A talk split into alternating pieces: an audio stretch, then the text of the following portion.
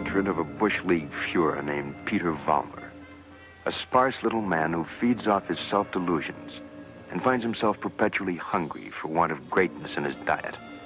And like some goose-stepping predecessors, he searches for something to explain his hunger and to rationalize why a world passes him by without saluting. The something he looks for and finds is in a sewer. In his own twisted and distorted lexicon, he calls it faith, strength, truth. But in just a moment, Peter Valmer will ply his trade on another kind of corner, a strange intersection in a shadowland called the Twilight Zone.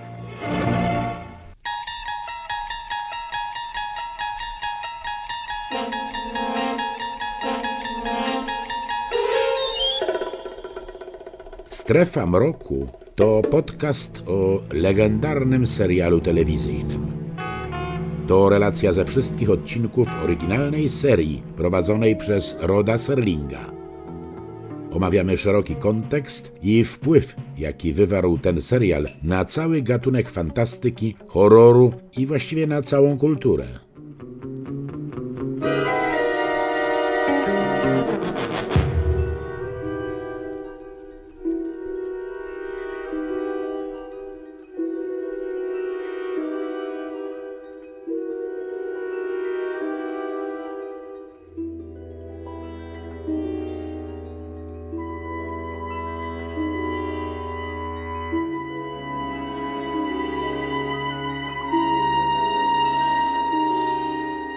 Witam Cię, Rafale. Witam Cię, Jacku, witam wszystkich słuchaczy podcastu Strefa Mroku. Dziś mamy do omówienia czwarty już epizod czwartego sezonu, więc mamy takie małe imieniny.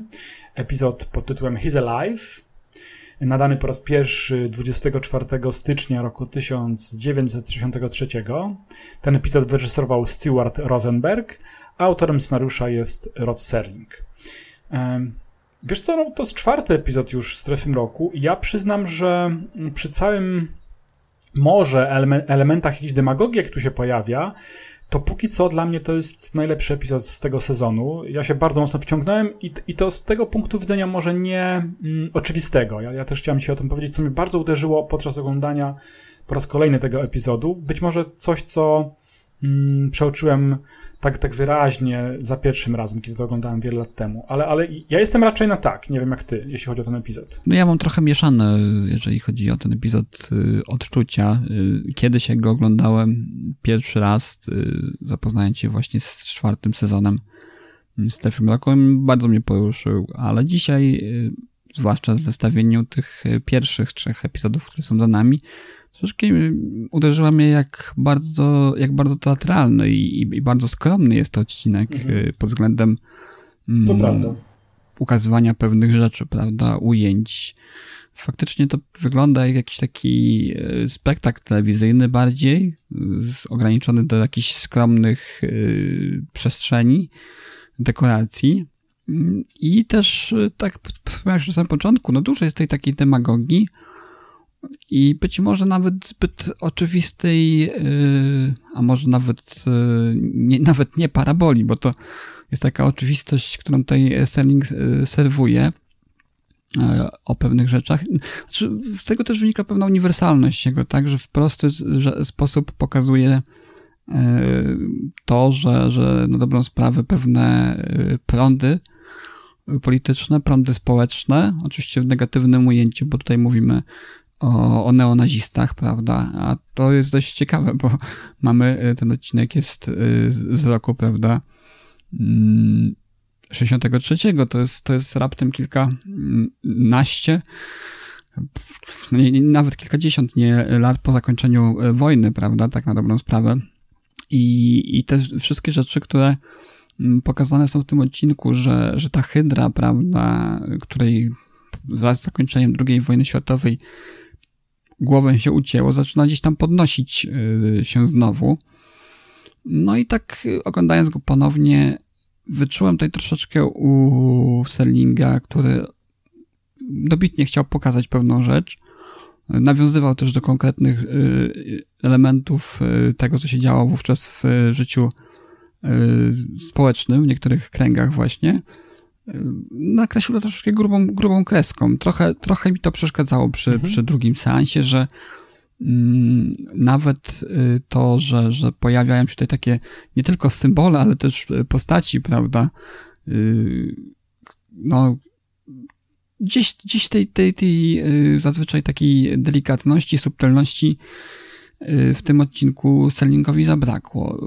Kiedy mówi oczywiście o ważnych rzeczach i pokazuje je dość konkretnie i trudno się nie zgodzić z tym, o, o czym mówi i trudno też się nie, nie, nie tutaj nie, yy, troszeczkę nie przestraszyć tego, prawda, bo to jednak jest rzecz, która się pojawia i wykwita raz na jakiś czas, yy, często teraz nawet yy, w życiu społecznym w Polsce zwłaszcza, tak, słyszymy o pewnego rodzaju ruchach i, i trendach, trendach no, politycznych, które, y, które tutaj są w jakiś stopniu też zobrazowane w tym odcinku, ale mimo wszystko jest, jest to symbolika, jest to też parabola zbyt y, taka oczywista, zbyt, zbyt y, zbyt jaskrawa, moim zdaniem, jak na, jak na Roda Sterlinga. Robi, robił te, tego typu rzeczy wcześniej i udało mu się to zrobić takim większą, większą subtelnością. Ja się z tym zgadzam, wiesz co, z całej rozciągłości, dlatego też powiedziałem o pewnej demagogii tego epizodu. Zaraz chwilę powiem, y, może już na samym wstępie też, y, co mi się podobało wyjątkowo w tym epizodzie, co pewnie też się zaraz domyślisz, Rafale, ale jeszcze chciałem powiedzieć o pewnym skojarzeniu. Mm, i to będzie takie skojarzenie, które przyszło mi do głowy podczas oglądania teraz tego e, epizodu Strefy Mroku. Mm, one, one nie nawiązuje wprost do samego przebiegu, czy też dramaturgii tego epizodu, a bardziej chciałbym powiedzieć o pewnej atmosferze i budowaniu pewnej alternatywnej historii. Ja nie wiem, dlaczego nie mogłem wyjść z takiego, mm, podczas oglądania, wyjść z takiego lekkiego déjà vu, jakbym oglądał jakąś wersję mm, książki Filipa Rota, pod tytułem Amery Spisek przeciwko Ameryce. To jest pisarz, który zmarł dwa lata temu, no dzisiaj już znany za klasyka, zresztą za życia też już tak było. I um, on, on, miał niezwykły talent, Philip Roth, do opisywania właśnie tej amerykańskiej, e, amerykańskiego świata lat 50., 60. i często pozwalał sobie właśnie na budowanie takich historii, które mm, bardzo mocno y, zakorzenione były w tym właśnie, co działo się wtedy w Stanach Zjednoczonych, podobnie jak tutaj w tym epizodzie, na pewnych niepokojach, pewnych y, lękach dotyczących tego, że pewna historia może się na nowo powtórzyć. I to wszystko dobrze Rod zawsze obudowywał w, w swoich bohaterach, których tworzył. To chcę powiedzieć. To są niesamowicie mocne postaci w jego, jego książkach. I Spisek przeciwko Ameryce to jest książka o tym, rozgrywa się właśnie w takim alternatywnym, alternatywnym świecie, ale to nie jest science fiction. Mówiąc wprost, w roku 40 roku, 40 roku wybory w Stanach Zjednoczonych wygry, wygrywa Charles Lindbergh. Bohater amerykański, e, lotnik, e, który był sympatykiem Hitlera. Był sympatykiem e, nazizmu i ta alternatywa sama w sobie jest intrygująca, bo mówi o tym, co naprawdę mogło się wydarzyć, albo też co, co, co może się powtarzać. Znaczy, celebryta o silnych poglądach w czasie, kiedy Ameryka jest na rozdrożu, bo waha się pomiędzy zostaniem w tym stanie izolacji do reszty świata, czy też zaangażowaniem się w II wojnę światową po stronie aliantów, oczywiście po stronie Wielkiej Brytanii, to wszystko się oczywiście y, nie toczy tak jak w książce Rota, bo wiemy, że to też już parę razy mówiliśmy o tym. Atak y, na bazę amerykańską y, na Hawajach doprowadził do tego, że Ameryka, Rooseveltowska Ameryka, musiała przyłączyć się do II wojny światowej i Lindbergh no, nie został prezydentem, nie mógł nim zostać. Natomiast tutaj w książce Rota jest ta alternatywna historia, co by się stało, gdyby właśnie Roosevelt przegrał wybory, Lindbergh je wygrał i ułożyłby się ze, z Niemcami, z trzecią Rzeszą Hitlera. Takie jest tło tej, tej książki. To, I właśnie um, oczywiście dla tych, którzy jeszcze nie widzieli tego epizodu, słuchaczy już się pewnie domyślają o co chodzi w tym epizodzie. E, Urota to um, jest fajne, bo mamy właśnie tych bohaterów i, i, i tam nie występują w jego książce oprócz tego tła, jakieś takie y, wydarzenia, które byłyby dosłowne, dosłownością pewną. No to był wielkiej klasy reżyser. Ja tutaj nie chcę wtrącać się, że Rod Serling nie jest wielkiej, wielkiej klasy scenopisarzem, bo wiemy, że jest. Natomiast zgadzam się z tobą, że mm, jest, tu, nie, tu, jest, tu jest pewien szablon nałożony na to wszystko. Y, ta, ta, ten, ta puenta, y, czy też zaskoczenie, ten, ten, ta odwrotka, która jest charakterystyczna dla strefy mroku, po pierwsze możemy się domyśleć od jakiegoś momentu, o co będzie tu chodziło. No i samo rozwiązanie jest lekko rozczarowujące, a, y, a to, co już mówi na sam koniec Serling, należy uznać za demagogię, Mm, oczywiście ciągle mówimy w kategoriach bardzo mądrego przesłania, oczywiście, prawda? I, my się z nim zgadzamy, z tym, co ma, ma nam do powiedzenia tutaj Serling. I do pewnego stopnia ta właśnie alternatywna historia e, opisana tutaj e, przez Serlinga, czyli co mogłoby się wydarzyć w jego wypadku w roku 60 którymś w Stanach Zjednoczonych, kiedy to do władzy mogliby dojść radykałowie spod znaku właśnie, mm, no też powiedzmy wprost, swastyki, jest, jest ciekawa, bo to jest coś, co się bardzo często y, pojawia w dyskusji w ogóle na temat y, II wojny światowej, a zwłaszcza tego, co ta wojna ze sobą niosła, czyli na przykład Holokaustu, prawda? Myśmy też o tym mówili, to znaczy, dlaczego tak światły naród jak Niemcy doprowadziły do tego, y, co, co, do, czego, do czego doprowadziły.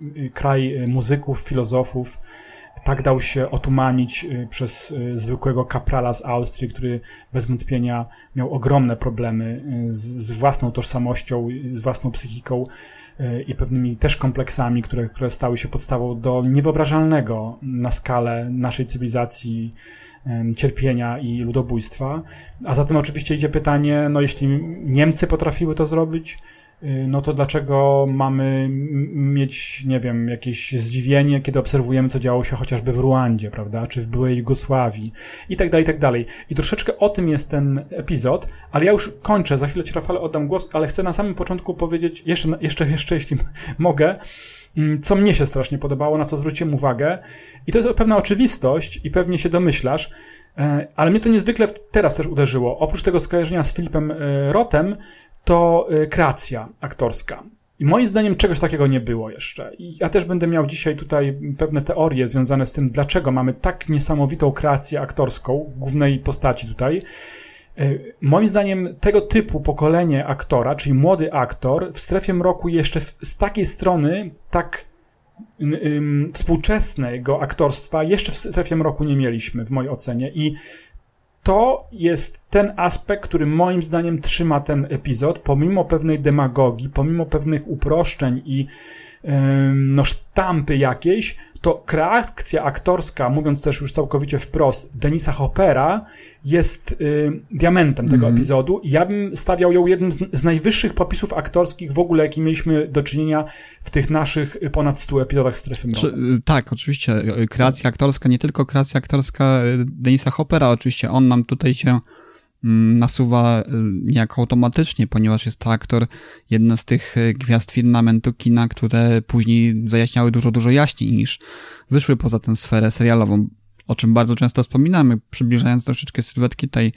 występujących w strefie mroku aktorów, no, że ci aktorzy, którzy tutaj się pojawiali, to zazwyczaj byli aktorzy no, typowo serialowi, prawda? Mimo ich kunsztu, talentu ogromnego i tego, jak zachwycali nas w strefie mroku, to oni nie wychodzili gdzieś poza tę ligę, prawda, y, serialową, telewizyjną. Ale czasami właśnie pojawiają się takie osoby, o których wiemy, doskonale je znamy z kina, prawda? Y, Hoppera znam od kilku dekad ze wspaniałych występów telewizyjnych, y, filmowych, kinowych, jego działalności, prawda, również też y, pozafilmowej. I, to się od, razu nasuwa, że, że na pewno będziemy mieli tutaj do czynienia z czymś wyjątkowym i, ta, i takim jego występ y, w odcinku His Alive jest. Natomiast też warto podkreślić, że to nie tylko on błyszczy, ale też jego taki, można powiedzieć, yy, przeciwnik, no to nie jest przeciwnik w zasadzie, to jest taki mm, mm-hmm. raczej drugi, drugi głos w dyskursie, prawda?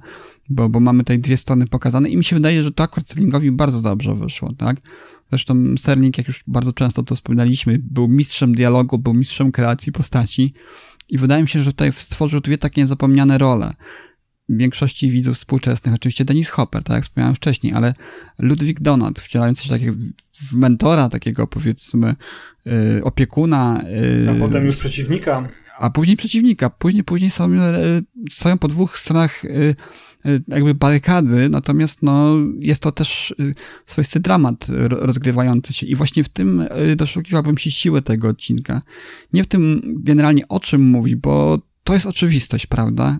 I, i takie rzeczy się po prostu dzieją, takie rzeczy powracają raz na jakiś czas i, i, to nie jest nic nowego. Ten bunt to szukanie alternatywy przez rozwiązywania problemów, tak, swoich własnych, prywatnych i też problemów społecznych, przez nawoływanie, prawda, do hejtu i szukanie kozłów ofiarnych, prawda, no, mamy tego typu przykłady, niestety w historii naszej i, i najnowszej, tej troszeczkę starszej, y, napęczki tego typu przykładów. Doskonale wiemy, do czego pewnego rodzaju agitacja, pewnego rodzaju y, rzucanie, prawda, oszczer, rzucanie też haseł, y, które mają przykryć prawdziwe intencje przywódców, mogą prowadzić. Natomiast tutaj to starcie tych dwóch postaci, tak, starcie, starcie dwóch takich, można powiedzieć, moralnie od siebie odmiennych stanowisk, i też właśnie to, jak, jaką przemianę przechodzi sam główny bohater, bo to też warto zwrócić uwagę, że od samego początku on nie jest takim wcieleniem zła, tak? Mhm. Można by się domyśleć, że, że tutaj jako przywódca ruchu nazistowskiego, neonazistowskiego, młody, młody, można powiedzieć, faszysta amerykański, mógłby być jakimś takim pociągnięty, tak jak wspomnieliśmy, ca, cały ten plot, jak, jak jest troszeczkę tak zarysowany przez Sterlinga dość e, ogólnie, to, to akurat jego postać jest e, bardzo dwuznaczna, prawda? Mhm. No i ta konfrontacja właśnie dwóch charakterów to jest to, w czym ja widzę e, siłę tego odcinka, tak? Mm, wydaje mi się, że, że to akurat robi dobrze ten, ten odcinek, ale też zastanawiam się troszeczkę nad tym, jak by można było spojrzeć na ten odcinek właśnie z perspektywy widzów w latach 60., zwłaszcza widzów amerykańskich, prawda, lat 60., bo my cały czas patrzymy na ten kontekst historyczny, ponieważ wojna i rzeczy, które się działy właśnie przez nazistów w naszym kraju, w Europie, no doświadczyła chyba nas dużo, dużo bardziej niż naród amerykański. I dla nich to mogło być coś w jakimś stopniu szokującego. I zresztą takim też było, o czym też pewnie powiemy już po omówieniu fabuły, jaki, jaki ten odcinek wywołał efekt y, w tamtym okresie. Natomiast no, y, ja przede wszystkim widzę w tym y, odcinku genialne dialogi, starcie wspaniałych charakterów i kreacji aktorskich, no i bardzo dobrze napisane oczywiście postaci. To jest to, co, to, to, to, co niesie moim zdaniem ten odcinek. Zwróciłeś uwagę, Rafale, na bardzo ciekawy wątek, na bardzo ważny uważam wątek. Zanim przejdziemy do samego streszczenia, to warto rzeczywiście podkreślenia. My musimy pamiętać oceniając ten epizod i nawet ten wątek, nazwijmy go demagogiczny, kontekst historyczny. To znaczy, w jaki sposób II wojna światowa odbiła się na świadomości, w tym wypadku Amerykanów. I tutaj zwróciłeś uwagę na mega istotną rzecz. Otóż my wiemy, bo jesteśmy Polakami. Nie przeżyliśmy tego oczywiście, na szczęście, ale wiesz co, powiem teraz może troszeczkę półprywatnie. Ja mieszkam w Warszawie i mam, ja nie, nie uważam się za jakiegoś, wiesz, jakiegoś patriotę takiego wojującego, natomiast no, płacę podatki w tym kraju, jestem Polakiem, myślę po polsku, jak mówił Wajda. Natomiast mam czasami coś takiego, że chodzę po Warszawie, wiesz, i Mijam różne rzeczy, mijam różne punkty, chociażby, nie wiem, przy placu bankowym blisko koło Teatru Wielkiego jest miejsce, gdzie zginął Baczyński, y, poeta. I takich miejsc jest mnóstwo. Kanałów, które są oznaczone, gdzie wychodzili powstańcy. Po prostu czasami mam takie wrażenie, i nie chcę to wchodzić naprawdę też w taniość jaką, jakąś, że ja chodzę po krwi. Wiesz co chodzi? Że, że, że to się wydarzyło tutaj. Tak, teraz ja sobie chodzę, słucham sobie, wiesz, kurczę, na bezprzewodowych słuchawkach muzyki, czy jakiegoś audiobooka, czy, na, czy podcastów, ale w tym samym miejscu, tym, na tym gruzowisku ludzie, no, ten walec historii przejechał po tych ludziach, zmiażdżył to wszystko. I Wydaje mi się, że to poczucie, mm, czym był Holokaust, jakie zagrożenie w związku z tym niesie ze sobą radykalizm spod znaku swastyki, był bardzo mocnym piętnem dla Europejczyków. Francuzów, Włochów nawet przecież, oni też przegrali niejako wojnę, pod koniec byli już y, y, no, ofiarami również, ale, ale dobra, nie wchodząc w kontrowersję, mam na myśli każdy naród y, europejski, nawet Niemców, i również Anglików, którzy nie byli okupowani, ale jednak ta groza wojny ich dotyczyła. Głód, bombardowania, y, mnóstwo żołnierzy przecież, którzy, którzy wracali do mm, siebie do domu, no, musieli to opowiadać. To było bardzo bliskie. Zresztą Anglicy przede wszystkim żyli tym, że y, liczyli w roku 40, że lata chwila nastąpi inwazja. Amerykanie natomiast byli jedynym narodem, którzy wyszli, no właśnie, wzmocnieni z II wojny światowej.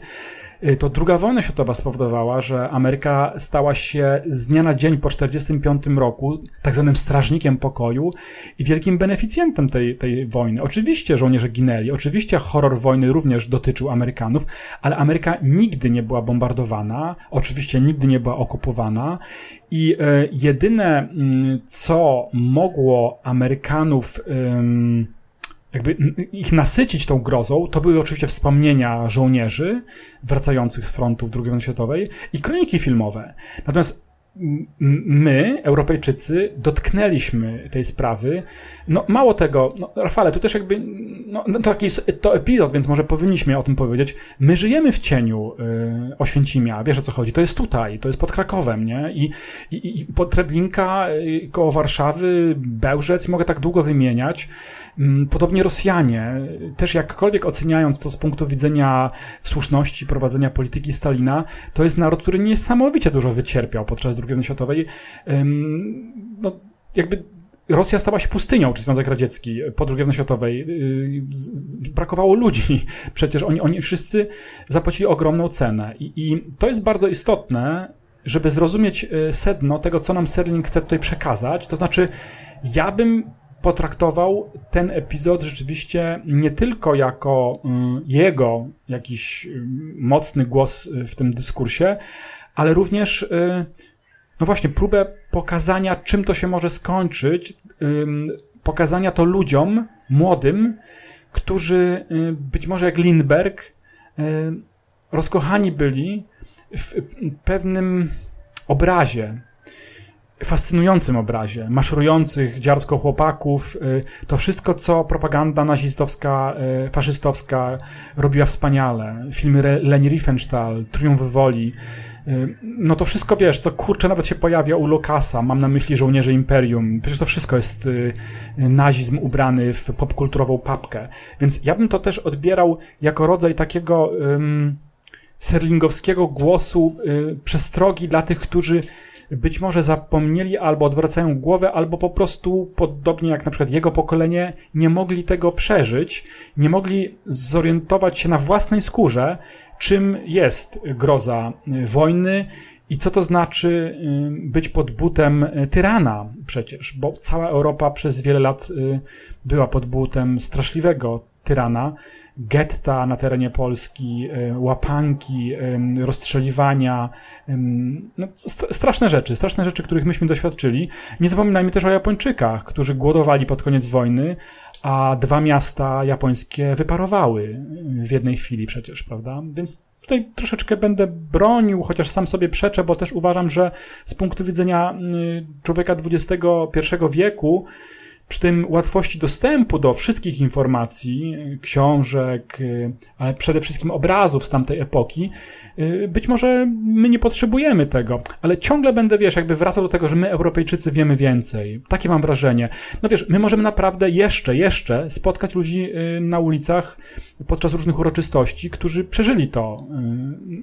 Y, w sensie nie byli nawet żołnierzami, byli ludźmi. Y, każdego dziadek, czy pradziadek, dziadek nasz, my jesteśmy z tego pokolenia, y, może był młodym chłopczykiem, ale jednak pamięta mm, pewne rzeczy. Więc tak, tak, tak chciałem to. Trochę wszedłem dzisiaj bardzo poważny ton, no ale taki jest ten epizod. Tak, no już tak troszeczkę przechodząc do, do samej historii, y, Serlik tutaj nawiązuje zresztą do konkretnej osoby. Ty wspominasz właśnie o, o książce, która opowiada o alternatywnych alternatywnej rzeczywistości, gdzie taka e, sytuacja mogła się rozegrać. Ja też miałem przez pewien e, czas, yy, oglądając ten odcinek, takie wrażenie bezczasowości tej akcji, prawda? Mimo, mhm, mimo tego, że pojawiają się no. tutaj mm, charakterystyczne dla, dla Ameryki lat 60. pojazdy, samochody, to jednak przez to, że jest tu ta symbolika troszeczkę zredukowana, tak? Nie mamy tej w związku też pewnie z polityką studia y, bezpośrednich y, symboli nazizmu. To też jest ciekawe, bo dzisiaj ten problem powraca. Bardzo często się w filmach, y, nawet opowiadających o tych czasach, czy nawet innych dziełach popkultury wizualnych, stara się te symbole nazizmu czymś zastępować, prawda? Mm, tu mamy tak. właśnie zastąpione te, te, te symbole swastyki Chociaż swastyki się pojawiają w dość ciekawym jednym y, momencie, wiesz chyba o czym mówię.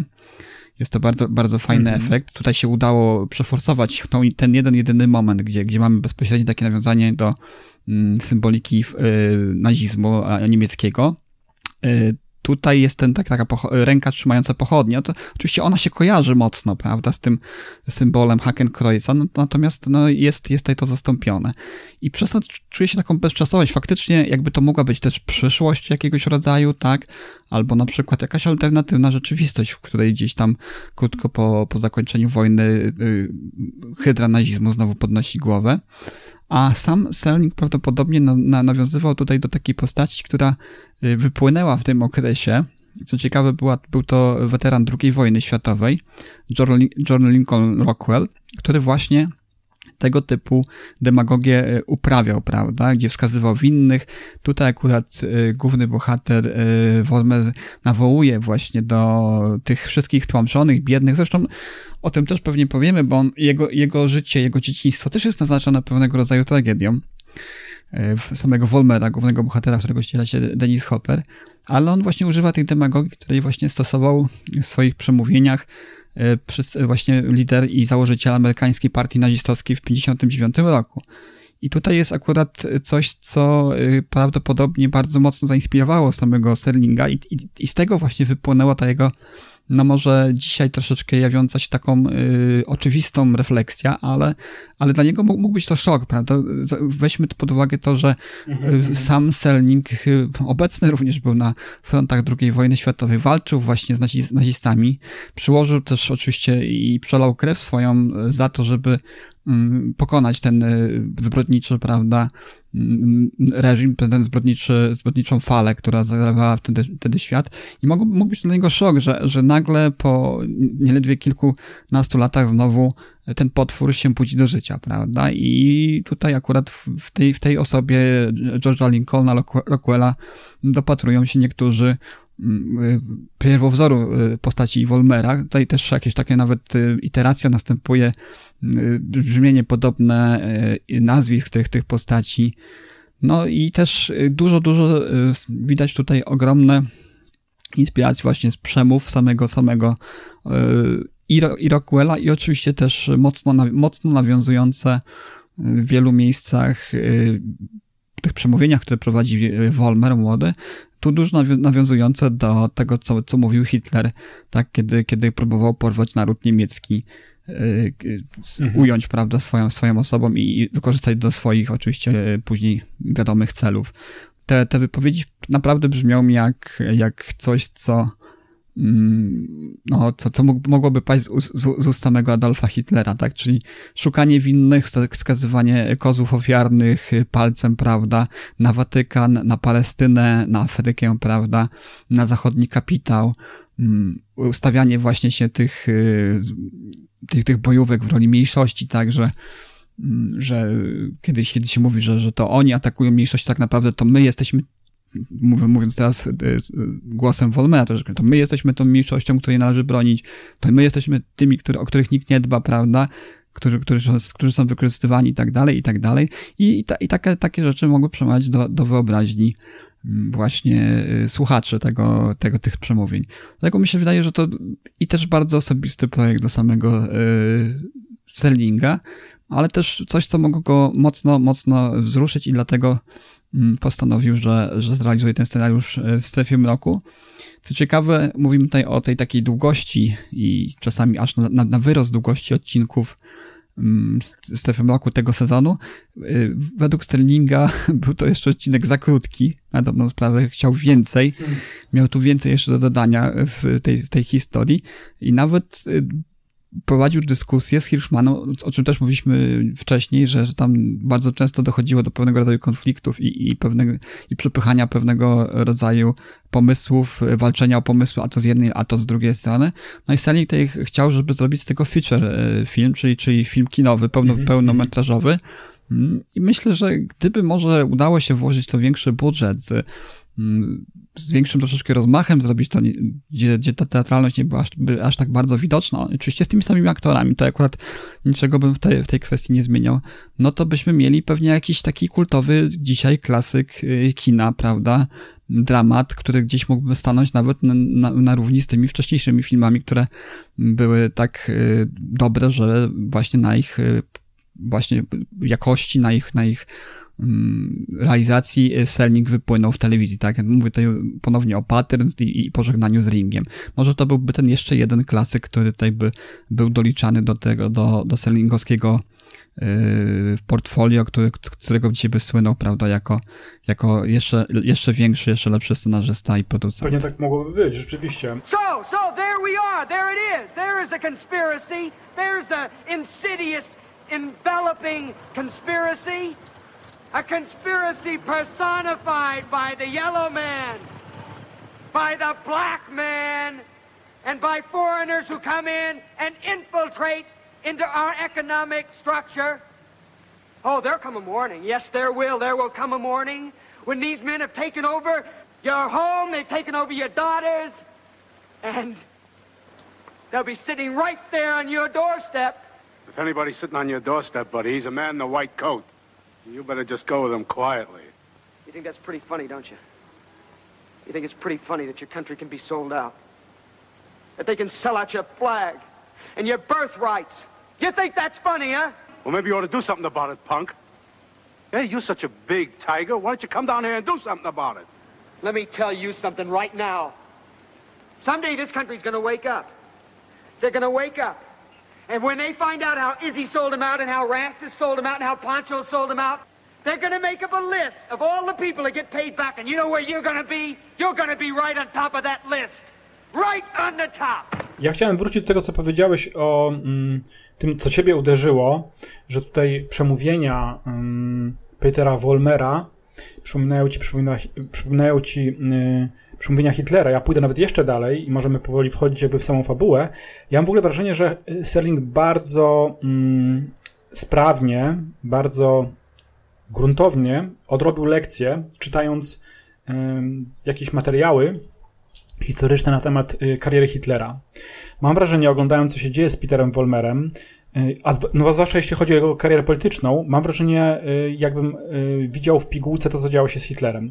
Zwróć uwagę, Rafale, że my poznajemy Petera Wolmera jako młodego aktywistę, przemawiającego do ludzi na ulicy, do, to nawet nie jest tłumek, to jest parę osób, który nie ma, y, y, nie ma, nie ma pojęcia, jak to, jak to robić. W sensie takim, że no, gubi się, wchodzi w jakieś dziwne polemiki z no, z takimi zwykłymi um, ludźmi ze strefy niższej, mam na myśli jakichś sprzedawców, jak, jakichś, jakichś właśnie sklepikarzy i robi to w sposób nieudolny, nie porywa tłumu na samym początku. I, i to wypisz wymaluj przypomina samego Hitlera, który oczywiście uczył się w tych słynnych, już można dzisiaj powiedzieć, um, spotkaniach e, w piwnicy, gdzie, gdzie ludzie sobie przychodzili na piwko na przykład, gdzieś tam w Bawarii, czy, czy, czy, czy w jakiejś innej części jeszcze Niemiec i e, na początku to były lata dwudzieste. No, nie był on zbyt popularnym e, mówcą, musiał się wszystkiego e, nauczyć. Miał coś w sobie i to pewnie też jest podstawą do tego, co, co, co widzimy po stronie Wolmera. Przyciągał on takich właśnie akolitów do siebie, mówiąc o Hitlerze, mm, mam na myśli też dziwnych, y, często poskręcanych życiowo ludzi, którzy widzieli y, w Hitlerze jakąś nadzieję na sfokusowanie swoich y, lęków i również agresji. I tutaj też się pojawiają tacy bojówkarze w kręgu Wolmera, którzy spełniają różne role i wypisz, wymaluj, mówiąc też całkowicie wprost, przypominają chociażby Geringa, Goebbelsa mm, czy też Himmlera, prawda? I, i, i takie funkcje one, oni tutaj spełniają. Natomiast na początku rzeczywiście e, Wolmer sobie nie radzi z przemówieniami, mówi swoje demagogiczne mm, hasła, które mają trafiać właśnie do tych ludzi, do tej biedoty. Tutaj się też ujawnia ten element y, y, tej klasy społecznej, do której chciał dotrzeć Hitler, czyli socjaldemokratów. Mm, Hitler bardzo dużo, tak jak chyba każdy populista, próbuje, próbował zwracać uwagę na takie rzeczy jak nierówność społeczna, dając nadzieję, że to jest on jako zbawca jedyny, kto jest w stanie zmienić mm, tą sytuację tej właśnie biedoty. W tym wypadku oczywiście chodziło o bardzo niskie szczeble drabiny społecznej niemieckiej po wielkim kryzysie gospodarczym. No ale tak jak też powiedziałeś, to samo robi Welmer. On tutaj szuka winnych to nie są rozwiązania typu, nie wiem, praca u podstaw, takie bardziej w stylu właśnie niemieckiego Marcina, Martina Lutra, e, protestanckie takie myślenie, tylko właśnie to się bardzo szybko zamienia w coś niebezpiecznego, bo zarówno Wolmer, jak i oczywiście Hitler znalazł sobie wrogów. E, tych jakichś obcych, którzy są temu winni. Tutaj ciekawe, biorąc pod uwagę, że mamy epizod, który rozgrywa się w 60 latach, przede wszystkim był nadawany w 63 roku, ciekawe jest to, że Wolmer tutaj mówi o czarnych, prawda? I e, podczas tego pierwszego swojego przemówienia, między innymi mówi o konspiracji jakiejś, oczywiście też jak e, słusznie zauważyłeś, zwraca uwagę na Palestynę, e, czyli gdzieś tam regiony, które, które mm, dotyczyły państwa Izrael w tym momencie, ale też zwraca uwagę na czarnych, w sensie na Afroamerykanów, mówiąc, że, że to również oni są winni tego, że biali prawdziwi Amerykanie nie mają pracy. No właśnie, i to są te wątki, które y, bardzo mi przybliżają do tego, że, że do tego mojej tezy, że, że Serling naprawdę świetnie y, ten scenariusz zbudował cały, cały kręgosłup budowania tej postaci i sytuacji, które się tutaj rozwijają krok po kroku, na bazie y, tego, co sam wyczytał, czy też dowiedział się na temat kariery Hitlera bo oczywiście Wolmer zmienia się. Jest upadek też y, bohatera, ponieważ po jednym z takich y, przemówień, jakie my obserwujemy na samym początku filmu, on zostaje pobity i to dosyć dotkliwie. I widzimy to, że to nie jest, i to też jest ciekawe, nie? że to nie jest jakiś osiłek, to nie jest jakiś spryciarz, to nie jest jakiś bokser. On zostaje tam rozjechany, zmiażdżony przez, może nie starszego, ale, ale w średnim wieku pana z brzuszkiem, po prostu go tam tłucze na kwaśne jabłko tego Wolmera. Rzeczywiście to wygląda jak walka walka, no to dziwnie zabrzmi, ale jakby go po prostu pobił jakiś krewny, jakiegoś swojego y, dzieciaka, nie? Przywołał go do porządku, po prostu go stukł na kwaśne jabłko, mówiąc chłopczyku, idź się pobaw do piaskownicy. Ym, i, I moim zdaniem tutaj też jest to, co chce nam Serling powiedzieć właśnie o Hitlerze, że i, i, to się pogłębia później i ta moja, moja teoria wydaje mi się, że, że, że ma swoje racje, bo potem Wolmer, on się jakby Mm, prosi o pomoc, a bardziej, bardziej wymusza tą pomoc u swoich współpracowników. On się wyręcza, mówiąc wprost, y, innymi ludźmi, y, żeby swoje cele uzyskać, ma swoich wiernych akolitów, którym zawrócił w głowie, do których to ludzi trafiły właśnie te jego tezy, którzy mu wierzą. To jest taka grupka, taka sekta. Y, I to właśnie te wszystkie rzeczy, których on nie jest w stanie osiągnąć, no właśnie, kogoś pobić albo nawet zabić, unieszkodliwić, jak on to mówi, są y, chętni wokół niego ludzie, radykałowie, którzy tego dokonają za niego. I tutaj też jest bardzo ciekawe to, że, że mm, toczy się dyskusja bardzo brzydka, uważam obrzydliwa wręcz, w dziwnych y, kołach, y, nawet współcześnie mówiąca, że Hitler nie odpowiada za Holokaust, bo nie ma żadnego dowodu na to, nie ma żadnego podpisu, y, nie ma żadnego rozkazu bezpośredniego. To wszystko były, jeśli już, to jakieś ustne rozmowy, a tak naprawdę Hitler mówił ogólnikami, pisał również Mein Kampf jakieś, Mein Kampf, jakieś ogólniki, a potem gorliwi jego właśnie sprawcy szli troszeczkę za daleko. Teraz mówię to, bierzcie nasi słuchacze w głęboki nawias, o co mówię, bo to oczywiście to jest totalna bzdura. To są typowo zachowania mafijne, moim zdaniem że tak działa mafia. Wystarczy, wiesz, tylko sugerować, y, boss może zasugerować, jego perswazja, jego siła bierze się właśnie z tego. E, a przede wszystkim no, nie mamy na pewno żadnych dowodów, że Hitler miał coś przeciwko temu, że się dzieje to na jego oczach i na pewno był świadomy tego, co się dzieje. I podobnie Wolmer, prawda? On tylko daje y, rozkazy właśnie, mówiąc jakieś takie kolokwialne rzeczy typu trzeba kogoś unieszkodliwić, no i okazuje się, że ktoś ginie. Ale idąc dalej do fabuły, no to widzimy to, że Wolmer oprócz tego takiego swojego sposobu bycia, nazwijmy go politycznego, takiego krzykacza ulicznego, y, prywatnie jest trochę innym człowiekiem, żeby nie powiedzieć Rafale, zupełnie innym człowiekiem. To jest zagubiony chłopak właśnie, zagubiony chłopak, który ma ogromne pretensje. Mm, to się potem pojawia do świata, ale przede wszystkim na początku, kiedy go poznajemy po tym pobiciu, to jest chłopak, który w życiu takim prywatnym, w domu, zachowuje się jak cichy, zakompleksiony y, nastolatek, prawda?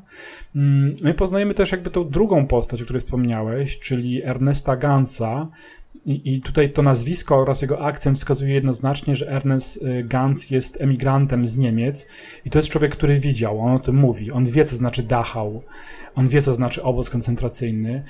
Y, możemy też domniemać, nawet jeśli to nie jest Żyd, jeśli to jest Niemiec, to to był przeciwnik nazizmu, który cudem ocalał, prawda, z tej zagłady y, i wyemigrował do Stanów Zjednoczonych, mm, chociaż nie, to chyba się mówi, że on jest Żydem, prawda?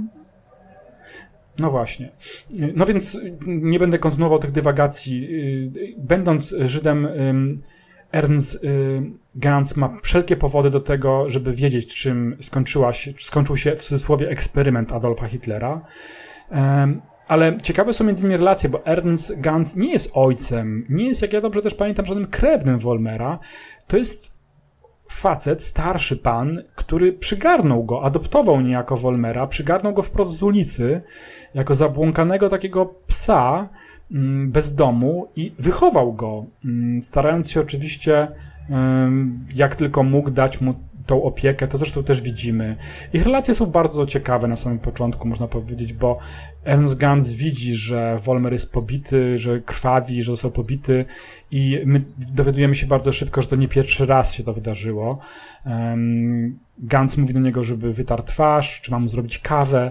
E, Wolmer mówi, że wolałby czegoś mocniejszego, więc Gans mu nalewa wino. Tutaj widzimy właśnie te relacje są takie troszeczkę, różnica wieku jest większa, ale jakby Gans był jego bratem starszym takim, no powiedzmy nawet prawie, że kumplem. To znaczy, że widzisz, no on potrafi go poczęstować alkoholem, normalnie z nim porozmawiać. To nie jest tak, że on właśnie wchodząc do domu mówi, jesteś uwalony, jak ty się zachowujesz, kolejne zniszczone e, ubranie, mundur kolejny zniszczony. Nie, nie, no on podchodzi do niego z takim spokojem, troszeczkę takim przyjacielskim bardzo tonem. E, I to jest ładne, uważam, że Gans tak się zachowuje w stosunku do Wolmera. I tutaj się na chwilę, Rafale, zaczynam, bo tu się pojawia w tym podczas rozmowy między Gansem a Wolmerem to, co ja bardzo chwalę.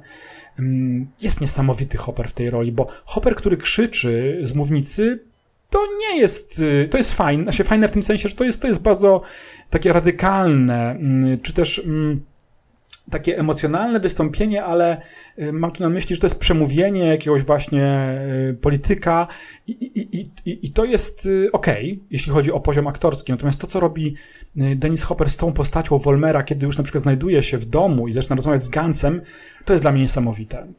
To, to są właśnie te momenty, kiedy, kiedy ja, mi opada szczęka po prostu, jak patrzę na Hoppera, jak wielkim on aktorem jest, bo widzisz w tym chłopaku wszystko. Cholera, jak on rozmawia z tym Gansem. Widzisz złość, bo mu się marszczy tak czoło, widzisz, że on jest spocony, a z drugiej strony, i to jest naprawdę porażające, widzisz po prostu, jak mu, jak mu się szklą oczy, jak on po prostu, jak jemu po policzkach spływają łzy. I ta głębia tej postaci, zbudowana w ten sposób, na mnie robi niesamowite wrażenie. I tu chcę powiedzieć od razu, że dlaczego tak powiedziałem na samym początku, Mm, że to jest tak, tak, tak niesamowicie oryginalne, kreacja aktorska, coś czego moim zdaniem nie było wcześniej w strefie mroku, bo Hopper należał do nowej szkoły aktorskiej. Y, tu warto podkreślić, że on był rówieśnikiem, kumplem y, Jamesa Deana, a James Dean uchodzi za taki pomnikową y, postać nie tylko dlatego, że, że, że, że, bardzo szybko zmarł, że nakręcił tak naprawdę kilka filmów, ale przede wszystkim to, że James Dean wprowadził tą nową szkołę Stanisławskiego do gry aktorskiej i Hopper również ją przyjmuje. Razem właśnie tak jak, tak jak pokolenie Jamesa Deana, coś do czego jesteśmy teraz przyzwyczajeni, coś co oczywiście wspaniale potem rozwijają najwięksi aktorzy, aktorzy amerykańscy, tacy jak Marlon Brando czy Jack Nicholson, ale tutaj Hoppera widzimy właśnie w tej roli on jest tym, mówiąc wprost, to na tym polega metoda Stanisławskiego, on jest tym yy, bohaterem, on jest Peterem Wolmerem. To nie jest teatr, to nie jest sztampa. Widzimy złożoność tej postaci dzięki temu. Widzimy to, że to nie jest komiks, że to nie jest tylko y, zdziwiony chłopak, zły chłopak, zasmucony chłopak. Widzimy podczas tej rozmowy mnogość tych emocji, a przez to zyskujemy niesamowity realizm tej postaci. I to jest moim zdaniem nowość, jeśli chodzi o strefę mroku. My mieliśmy wybitne kreacje aktorskie, ale śmiem twierdzić, że y, nie było czegoś takiego, mm, reprezentowanego takiego stylu aktorskiego w tej grupie wiekowej, czyli młody, dwudziestoparoletni aktor, który daje ten, ten nowy rodzaj gry aktorskiej, który będzie tak naprawdę obowiązywał aż do dnia dzisiejszego. Czyli jeszcze raz powtarzając, on jest tym bohaterem. On zachowuje się bardzo wiarygodnie i to się bardzo wybija, zarówno w tym epizodzie, jak i na poziomie kilku takich właśnie kreacji, jakie sobie biorę z pamięci, dotyczące młodych bohaterów występujących w strefie mroku. Ta e, scena właśnie rozmowy Petera Wolmera i Ernsta Gansa w tym mieszkaniu, po, po, po tym jak on został pobity, ja bym porównywał właśnie do szkoły, jaką możemy widzieć w filmie Buntownik bez powodu z Jamesem Deanem. Tak, no y, po, po, po którymś seansie docenia się naprawdę te niuanse roli y, tutaj y, Denisa Hoppera. Ba bardzo młode, ale naprawdę wszelkie odcienie tutaj emocji pokazuje, odgrywając właśnie postać Wolmera. I to jest właśnie niesamowite, bo, bo przede wszystkim ta wiarygodność postaci, czyli to, w jaki sposób ona została nakreślona i jak, jak została odegrana.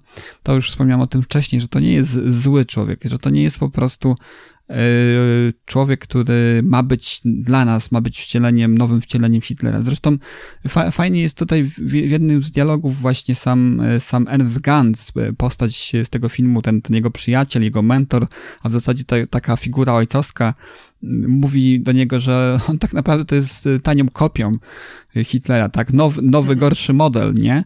I, i, I to troszeczkę się tutaj y, przekłada. I, I też sposób, w jaki reaguje na, na słowa Gansa, mm, sprawiają, że przez chwilę mamy wrażenie, jakby mm, o tą duszę właśnie Wolmera toczyła się walka. Z jednej strony właśnie Gans, z drugiej strony ta tajemnicza figura, która się później pojawia, prawda? I obie te figury w jakiś sposób przemawiają do, do wyobraźni tego młodego chłopca.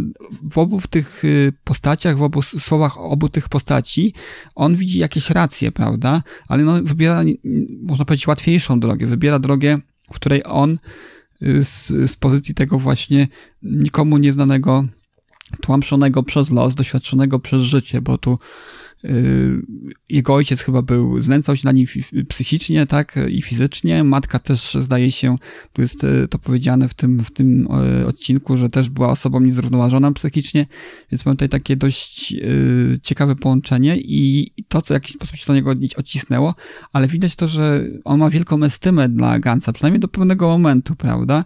I moment to jest taki wręcz można by powiedzieć epicki w jakimś stopniu, mówiąc takim małym tutaj ujęciu, jakim jest odcinek serialu, ale jednak jest ten moment, kiedy on przekracza tą barierę, kiedy przekracza tę barierę i kiedy się naprawdę staje, tak, wybiera drogę właśnie mm, ciemności, ale nigdy do, do samego końca, nawet podejmując w ostatnich sekwencjach tego filmu y, dramatyczną decyzję, to widać, że on to robi no, po mocnym przełamaniu się, tak? Mało brakuje do tego, by, by Gantz y, zarówno swoją perorą, jak i tym, co zrobił w jednym z ostatnich ujęć, przełamał go, tak, że jakby udało mu się prawie przyciągnąć go z powrotem na tą, na tą drugą stronę, przemówić mu do rozsądku, ale nie, jednak siła ta, siła zła, siła tego, co, co najgorsze w naszych y, duszach zwyciężyła.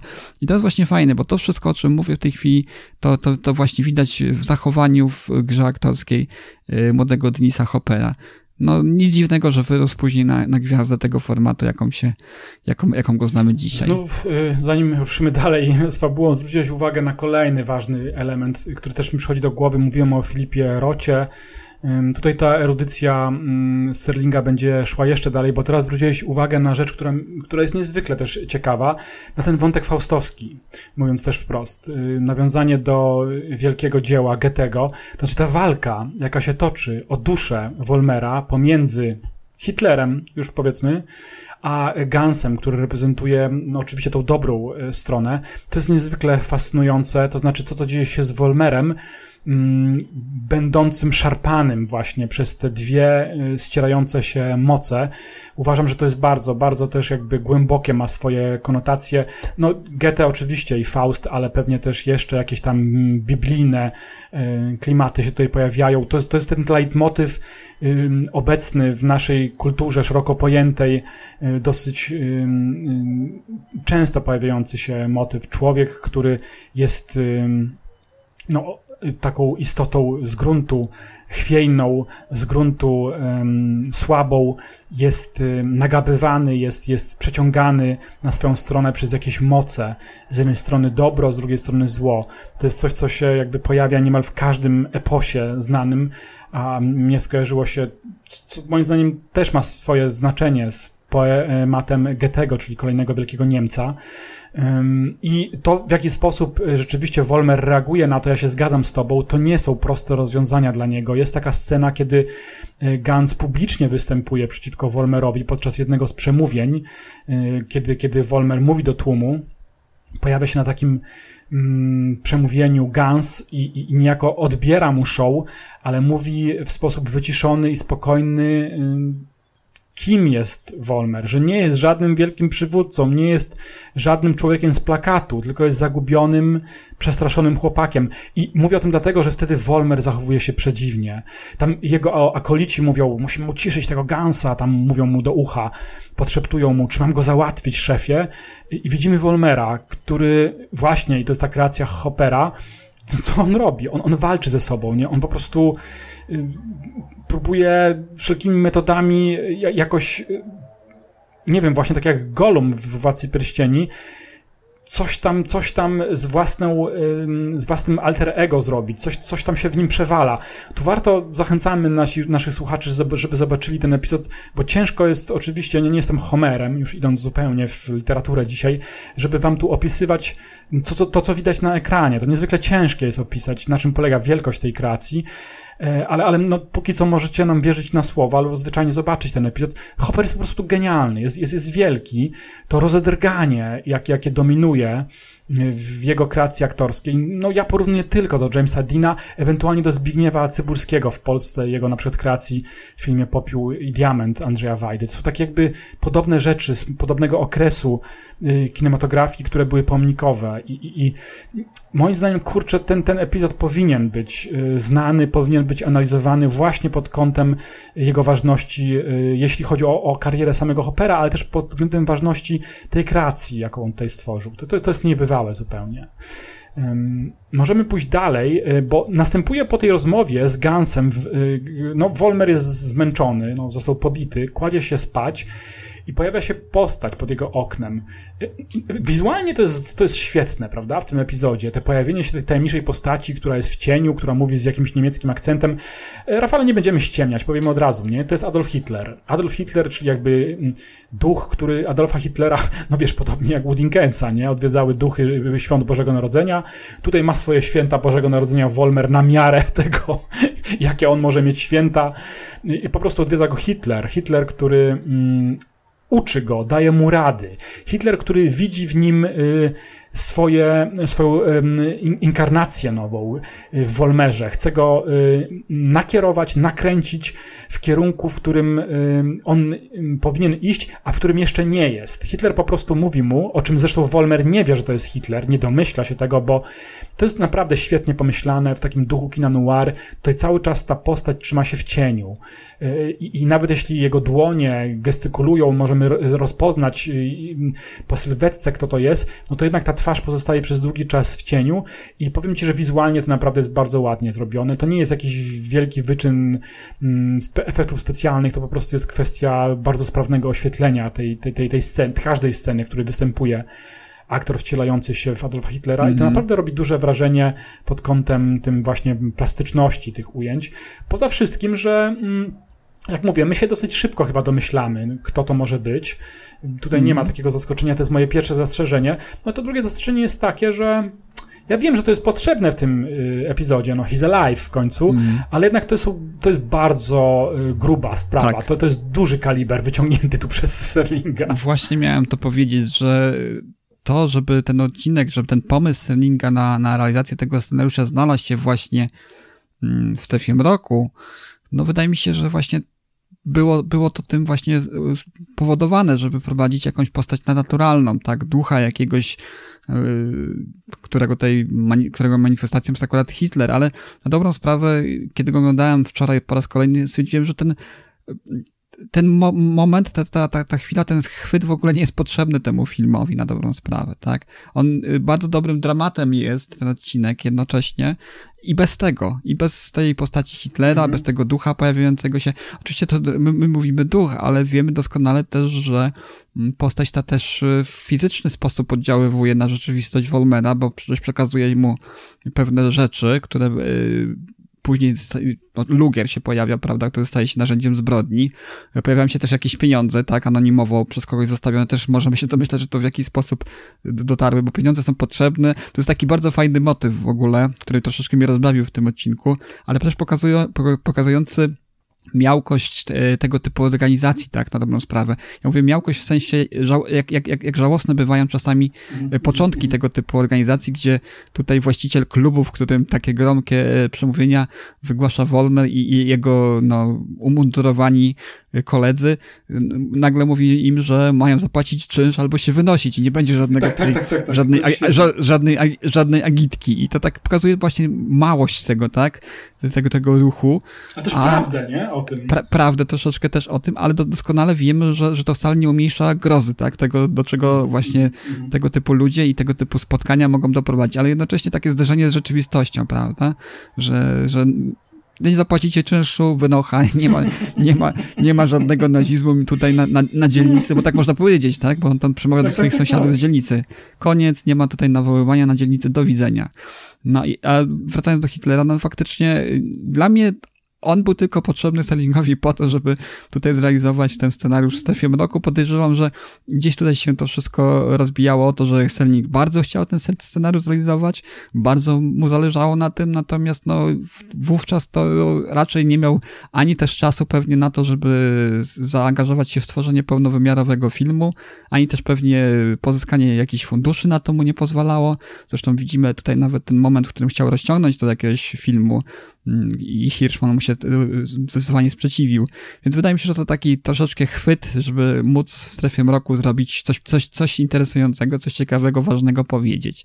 A na dobrą sprawę, to sama postać jest tu tego ducha niepotrzebna, bo, bo ta mhm. przemiana, ta, ta droga, którą przechodzi, yy, Wolmer mogła się jej ob, ob, obyć doskonale bez się tego. zgodzić, wiesz, już nawet to, co przytoczyłeś przed chwilą świadczy o tym, że to jest bombastyczne, ta pewnie się Hitlera tutaj, skądinąd świetnie tutaj jest to zagrane i sfotografowane, okej, okay, ale ja zgadzam się z tobą, no nie wiem, właśnie może to jest to, o czym powiedziałem wcześniej, to znaczy, może wtedy to było potrzebne, to połączenie Amerykanom, którzy, którzy, którzy no, tak się przyjęło mówić, prawda? O, już wtedy w latach 60. Mm, dominowało to, co dzisiaj nam się kojarzy z y, tą kulturą.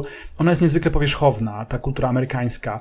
Y, ze względu chociażby na to, że, że, że te korzenie państwowości nie sięgają tak głęboko, jak chociażby Anglików, czy Francuzów, czy Włochów już w ogóle, czy Greków. Więc często podkreśla się to, ja tutaj nie chcę oczywiście wyjść na jakiegoś taniego demagoga, ale no, mówi się o tym, że ich katedry mają, y, nie wiem, 300-400 lat. Te same katedry we Francji mają kilka, mogą mieć nawet i tysiąc lat.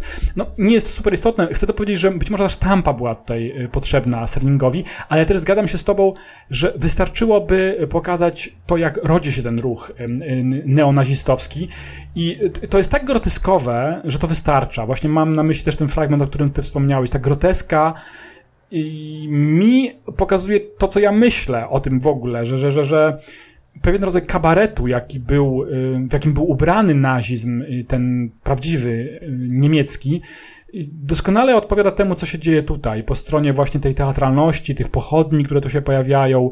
Mi się strasznie też jakby podoba, mówię oczywiście i w ironii, że Wolmer przemawia na tle takich dużoformatowych zdjęć Geringa, Hitlera, Goebbelsa, tam się nawet Himmler pojawia i on sam również na zdjęciu jest.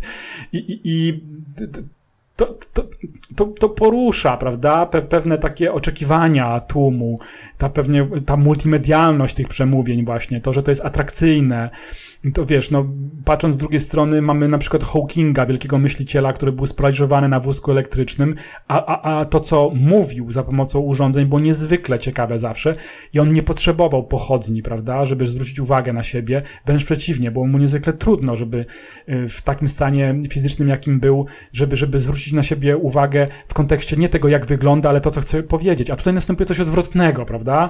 Oni po prostu muszą mieć to wszystko właśnie. Te, te, te, tam są i pochodnie, i, i te, te, te, te, te zdjęcia, jakieś takie chorągiewki, te, przede wszystkim te mundury, które oni mają na sobie, które są stylizowane na brunatne właśnie mundury nazistowskie, ze wszystkimi tymi emblematami, z tymi założonymi na rękawy mm, opaskami, z jakimiś metalowymi przypinkami na kołnierzykach. To wszystko ma wyglądać właśnie jak taki paramilitarny, jakiś uniform. Co to ma oznaczać? Nie wiem. No porządek właśnie jakiś, proste rozwiązania przede wszystkim, prawda? Jakie oni mają nieść ze sobą i brutalne rozwiązania przede wszystkim. Mm, wracając do fabuły, Hitler go uczy i wiesz, to jest to kolejny element, który y, Sterling świetnie odrobił, bo y, Hitler mówi do y, mm, młodego swojego akolity, jak ma trafiać do tłumu i kiedy on zaczyna mówić, oczywiście tłum pęcznieje, bo on zaczyna do nich mówić tak jak do swoich i to jest bardzo ciekawe, że Sterling tu zwraca uwagę na, to, na ten sukces Hitlera. Dlaczego on tak porywał tłumy?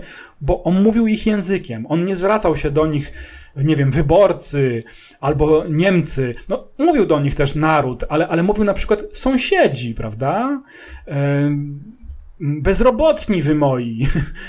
Zostaliście wepchnięci w to bezrobocie przez kogoś. Ja wiem przez kogo. I wskazywał tą drogę. W wypadku oczywiście nazistów byli to jacyś y, y, zakonspirowani, oczywiście zorganizowani, czyhający na pracę i życie Niemców y, Żydzi. Y, czy Semici, wszyscy, od, każdy odmieniec. I tak jest też tutaj. I, I, to jest również ciekawe w tym epizodzie, że, że, że mm, Sterling naprawdę precyzyjnie tutaj nam daje te punkty, które w jakiś uproszczony, popkulturowy sposób, ale jednak doskonale precyzują, jak to się odbywało, prawda? Potem dochodzi do czegoś kolej, kolejnej rzeczy, która też jest to sama z budowaniem tożsamości ruchu nazistowskiego w Niemczech, czyli szukania męczennika. Hitler mówi, świetnie, masz już partię, masz już słuchaczy, a teraz potrzeba zrobić mit, prawda? Trzeba zbudować to, co, to, co staje się zrębem, y, według samego Hitlera przynajmniej, zrębem um, każdego uduchowionego, takiego bohatera narodowego, czyli rodzaj y, mitologii, mitomanii, mówiąc wprost. No i tak też było w nazistowskich Niemczech. Każdy y, zamordowany y, działacz nazistowski był wychwalany jako męczennik. Ja teraz już nie powiem kto, ale ktoś został zamordowany z takich wysokich przedstawicieli y, partii nazistowskiej przez właśnie domniemanego Żyda. To, co oczywiście stało się powodem do tego, żeby powiedzieć, że, że, że wszyscy dybią na życie prawdziwych Niemców. No i tutaj się dzieje coś podobnego, znaczy w pewnym momencie, oczywiście za namową swojego guru, nasz bohater Wolmer typuje na męczennika jednego ze swoich wiernych akolitów i każe innemu wiernemu akolicie zlikwidować go. Oczywiście, żeby spreparować, że to nie partia bynajmniej zabiła swojego przedstawiciela, ale że zrobili to jacyś obcy. Tam się pojawia, y, dochodzi do tego morderstwa i tam się pojawia kartka na, na trupie, mm, y, która głosi coś takiego, dobry nazista to martwy nazista, nie? Co ma świadczyć, że zrobili to przeciwnicy po prostu Wolmera. Y, no to daje asumpt Wolmerowi do kolejnych tyrad na temat właśnie tego, że oni teraz, po tym jak odnieśli jakiś sukces, są w niebezpieczeństwie, trzeba się bronić. E, I to też ma zaświadczać o ich wielkości. To, że oni nie są jakąś tam partyjką i że on sam nie jest jakimś tam chłopakiem, który woła do innych na ulicy, ale że jakieś ciemne siły, jakieś zakonspirowane właśnie mroczne siły dybią teraz na życie ich i, i, i to pozwala również zbudować mu tą tożsamość wokół siebie i przede wszystkim ten motyw zagrożenia, czyli mobilizowania tych najbardziej radykalnych z jego, z jego, z jego zwolenników. No, wypisz, wymaluj, wiesz, ja Rafał mówię o epizodzie Strefy Mroku, co my tu do cholery robimy, nie? Ja się łapię teraz za głowę, ja trochę się czuję, jakbym opowiadał jakąś rzeczywiście alternatywną historię albo uproszczoną historię y, ruchu nazistowskiego w Niemczech w latach 30. i 40., prawda? Tak to trochę brzmi przecież i to, to jest tak. niesamowite. Może tak, może tak faktycznie miało to wyglądać, może o to, o to właśnie Sterlingowi chodziło, tak? te rzeczy, które nam, tak wrócimy znowu do tego samego tematu, nam są dobrze znane, my, my, my to wiemy, znamy z historii ze szkół. Dla Amerykanów to mogło być odkrywcze, świeże. Mogli na przykład y, część osób mogła przejrzeć na oczy, widząc właśnie mhm. taki odcinek, odcinek serialu i, i obserwując na, na, swojej rzeczywistości na ulicy podobnie agitujących, czy, czy nawet w mediach podobnie agitujących ludzi jak, jak Wolmer, tak? Mogli zobaczyć, z czym to może się wiązać i, i do czego to tak na, na dobrą sprawę nawiązuje, skąd się to bierze, prawda? Mm, że pewne, pewne rzeczy są niezmienne, pewne rzeczy są analogiczne i jeżeli się ich nie powstrzyma szybko, to może do, to doprowadzić do kolejnego wybuchu fali okrucieństwa, co zresztą też przytaczało się przez Amerykę w okresie właśnie późniejszym, prawda?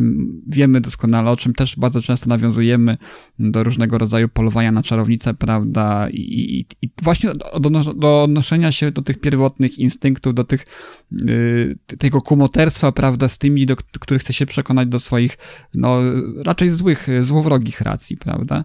Więc yy, tutaj akurat yy, my możemy troszeczkę się boczyć, że to jest takie proste, mhm, że to jest mhm, takie mhm. oczywiste, ale, ale być może to tak właśnie przemawiało do wyobraźni, e, do wyobraźni widzów. I tutaj też warto się w tej chwili zatrzymać, ponieważ to jest odcinek, który jest e, dość e, ciekawy z tego względu, że mówiliśmy już też troszeczkę wcześniej o tym, że bywały odcinki, które w jakiś sposób naruszyły delikatność niektórych, niektórego grona odbiorców, zdenerwowały przez umieszczenie jakiegoś powiedzmy odniesienia do, do konkretnej sytuacji, czy też do konkretnej grupy społecznej. Przychodziły listy, korespondencja, na które oczywiście mhm. Serling zazwyczaj odpowiadał, albo publicznie gdzieś, albo, albo też prywatnie tym osobom. Tutaj natomiast ten odcinek jest takim wyróżniony w, w historii odcinków Strefy Mroku przez to, że otrzymał największe, największą ilość negatywnych listów po, po emisji. Tutaj mówi się o 4000 listów y, utrzymanych w takim negatywnym, obelżywym tonie do Sellinga. Tutaj wyzywano go od komunistów, prawda? Hmm. Czyli Czyli y, zastanawiam się, bo jeżeli ten odcinek wzbudził tak negatywne z, z odczucia w w społeczeństwie, to część tych ludzi, którzy pisali właśnie te listy, musiało się w jakiś sposób identyfikować z ideami, które, które były uformowane właśnie w tym odcinku, włożone w usta głównego bohatera Wolmera. To jest i troszeczkę zaskakujące, i trochę też przerażające, muszę przyznać. No właśnie, widzisz, tutaj też jeszcze o tym nie mówiliśmy, ale wydaje mi się, że to się wiąże też z tym, te negatywne odczucia i jakby poruszenie wśród widzów i nazwanie Serlinga komunistą wiąże się z tym, co wtedy działo się w Stanach. Też o tym mówiliśmy. Mamy rok 63. To jest polowanie na czarownicę. Cały czas trwa zimna wojna. I to ta zimna wojna wkraczająca jakby w kolejne bardzo niebezpieczne dla świata regiony. Mam na myśli konflikt y, w Wietnamie, który trwa, który się nasila, który będzie przez całą dekadę lat 60., drugą połowę lat 60., aż do początków lat 70., no, wzbudzał ogromne, ogromne emocje, zainteresowanie, oburzenie po różnych stronach barykady. Tutaj dochodzi, i tutaj jest, y, uważam też przykład na to, co przed chwilą powiedziałeś, być może nie najważniejszy w tym dyskursie, jaki się wtedy odbywał, ale jednak przyczyna do tego, jak bardzo zaczął, nastąpiło tąpnięcie i jak bardzo widoczny był rozłam w społeczeństwie amerykańskim, coś, co pewnie też się dzieje współcześnie. Mam na myśli to ścieranie się liberalizmu z populizmem, ale wtedy, w latach 60., po pierwsze, tak mocno ym, zadziałało się to pierwszy raz w Stanach Zjednoczonych, pomijając kwestię wojny secesyjnej, ale w momencie, kiedy Ameryka wychodząc y, y, zwycięsko z II wojny światowej, troszeczkę w samozachwycie takim, w dobrodziejstwie, jakim dało im zwycięstwo,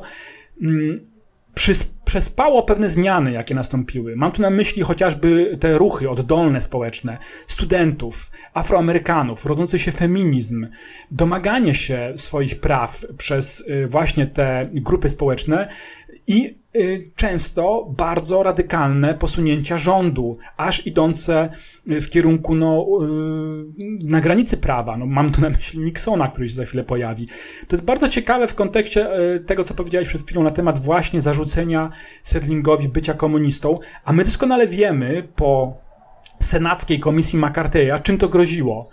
Wykluczeniem, groźbą aresztu, a nawet wydaleniem, tak jak się to stało w wypadku Charlesa Chaplina, który został oskarżony o komunizm i kiedy wyjechał do Europy na swoje tournée artystyczne, zakazano mu wjazdu do Stanów Zjednoczonych na wiele lat. On poczuł się bardzo urażony, y, nie próbował też y, wtedy, kiedy to się wydarzyło, walczyć z tym, wrócił do długo, długo później, pod koniec swojego życia i przyjął Oscara honorowego, ale Chaplin jest takim symbolem również tego, co mogło spotkać wtedy ludzi, których oskarżano o właśnie nachylenie, y, w tym wypadku lewicowe. I tutaj nie, wal, nie, nie, war, nie warto, nie wolno o tym zapominać, również w kategoriach tego, co dzieje się w tym epizodzie. Nawet jeśli nam się wydaje on dzisiaj e, lekko demagogiczny, lekko idący prostą drogą w pewne rozwiązania, a mówiąc już dosłownie, chodzi nam oczywiście o obecność tutaj tego e, Adolfa Hitlera, tutaj, który dla nas jest, e, jak mogę też mówić za ciebie i za siebie, Rafale, jednak tym, tym, tym elementem już aż nadto, y, za bardzo takim komiksowym, nie wiem jeszcze jak to określić, sztampowym po prostu, szablonowym troszeczkę y, wybiegiem samego Serlinga i y, to, co ty jesteś w stanie docenić, to, co powiedziałeś o tym wynajęciu tego lokalu, tej, tej niejako walki między Wolmerem a Gansem, mnie, mnie, mnie wystarczająco już tutaj y, on porusza na tym poziomie ten epizod, żeby jeszcze tutaj dokładać właśnie postać Firera III Rzeszy. Jest to moim zdaniem też zbędne. Wracamy do tego jak bumerang, ale ciężko od tego odejść, bo mm, no, na tym zbudowana jest oczywiście cała oś tutaj fabularna tego filmu. Powiedzieliśmy o już micie, z, zabiciu jednego ze przedstawicieli tej partii neonazistowskiej i budowaniu przez to tożsamości samego Wolmera. E, no i dochodzi do tego przesilenia, kiedy Gans pojawia się się mm, podczas przemówienia i mówi to, co mówi. Niejako ośmiesza, prawda, Wolmera. Y, on jest smutny, Gans. Mówiąc to wszystko, mówi, macie swojego Führera, mówi do tłumu, których słucha Wolmera, tylko pamiętajcie, że historia się powtarza, nie? Że, że, że, że tak naprawdę mm, nie, powinniście wiedzieć, do czego to zmierza. Dzisiaj on mówi do was sąsiedzi, pokazuje wam waszych wrogów, a potem jest popiół. No, no bo to jest droga do zatracenia, nie? Ten radykalizm według Gansa, no i tak uczy nas historia, pokazuje do czego zmierzają ym, posunięcia takich ludzi, jakim był Adolf Hitler. No to jest samo napędzająca się spirala przemocy, która, która pochłania również tych ludzi przecież później. Gans opuszcza to przemówienie, no i y, tutaj w tym wypadku Wolmer namawiany jest przez swoich zwolenników, żeby skończyć z Gansem. Mało tego, pojawia się w końcu też Hitler, który, który wręcza mu pistolet mm, i każe zrobić porządek z Gansem. Tutaj możemy, Rafale, powiedzieć, że to mm, ten dar Hitlera dla Wolmera, ten pistolet i co za tym idzie, mm, ten nakaz, żeby on zabił Gansa, jest kolejnym levelem, taki, takim rodzajem inicjacji dla samego um, przywódcy, prawda? E, jeśli mówiliśmy o tym, że on nauczył się przemawiać do tłumu, że on y, skazał na śmierć swojego jednego akolitę i y, dzięki temu zyskał mit, to teraz y, Hitler pokazuje rodzaj drogi bez powrotu. I tu też moim zdaniem możemy łatwo wskazać na taki moment w życiu samego Hitlera, czy też w ogóle patrząc y, szerzej na to, co działo się w Niemczech. Otóż w pewnym momencie, kiedy Niemcy zaczęły przegrywać II wojnę światową, Hitler się nie poddał, nie chciał pertraktować, tylko powiedział, że najprawdopodobniej Niemcy nie zasługują na niego, prawda? Jako przywódcę, jako Führera. Jeśli y, ma się to skończyć y, klęską, no to pochłonie cały naród niemiecki, po to tylko, żeby w przyszłości na tych y, ruinach odbudować coś jeszcze lepszego. Hitler oczywiście popełnia samobójstwo w bunkrze, ale jakby pociąga ze sobą nie, nie tylko no, cierpienia swoich wrogów, ale też ogromne, ogromne cierpienie samego narodu. A o czym jeszcze nie wiedział, no podział Europy i to, że część jego y, kraju trafia Y, jako część supremacji kolejnego tyrana, czyli Stalina. No to, to są straszne rzeczy, które się stały. I troszeczkę moim zdaniem tutaj y, pokazuje to również Serling, dając broń do ręki Wolmerowi, że jeśli on zabije Gansa, no to, no to, to jest piekło, prawda? Podobnie jak Hitler skazał na piekło swój naród i samego siebie. Y, I, i, I ta droga Wolmera z tym rewolwerem do Gansa jest, jest tą drogą do piekła, jako, jako, jako zgotował Hitler swojemu narodowi, no poniekąd też całemu światu, prawda? No cóż, Wolmer pojawia się y, u Gansa. Gans niejako się na to przygotowuje. To też jest dosyć ciekawe. To jest taki, tak jak mówiliśmy o tych wątkach właśnie faustowskich, czy wręcz biblijnych, to Gans tutaj się jawi jako taki właśnie prawdziwy męczennik, można powiedzieć. On nie protestuje, w tym sensie, że nie ucieka. To nie jest pogoń. Do pogoni jeszcze dojdzie, ale bez udziału Gansa.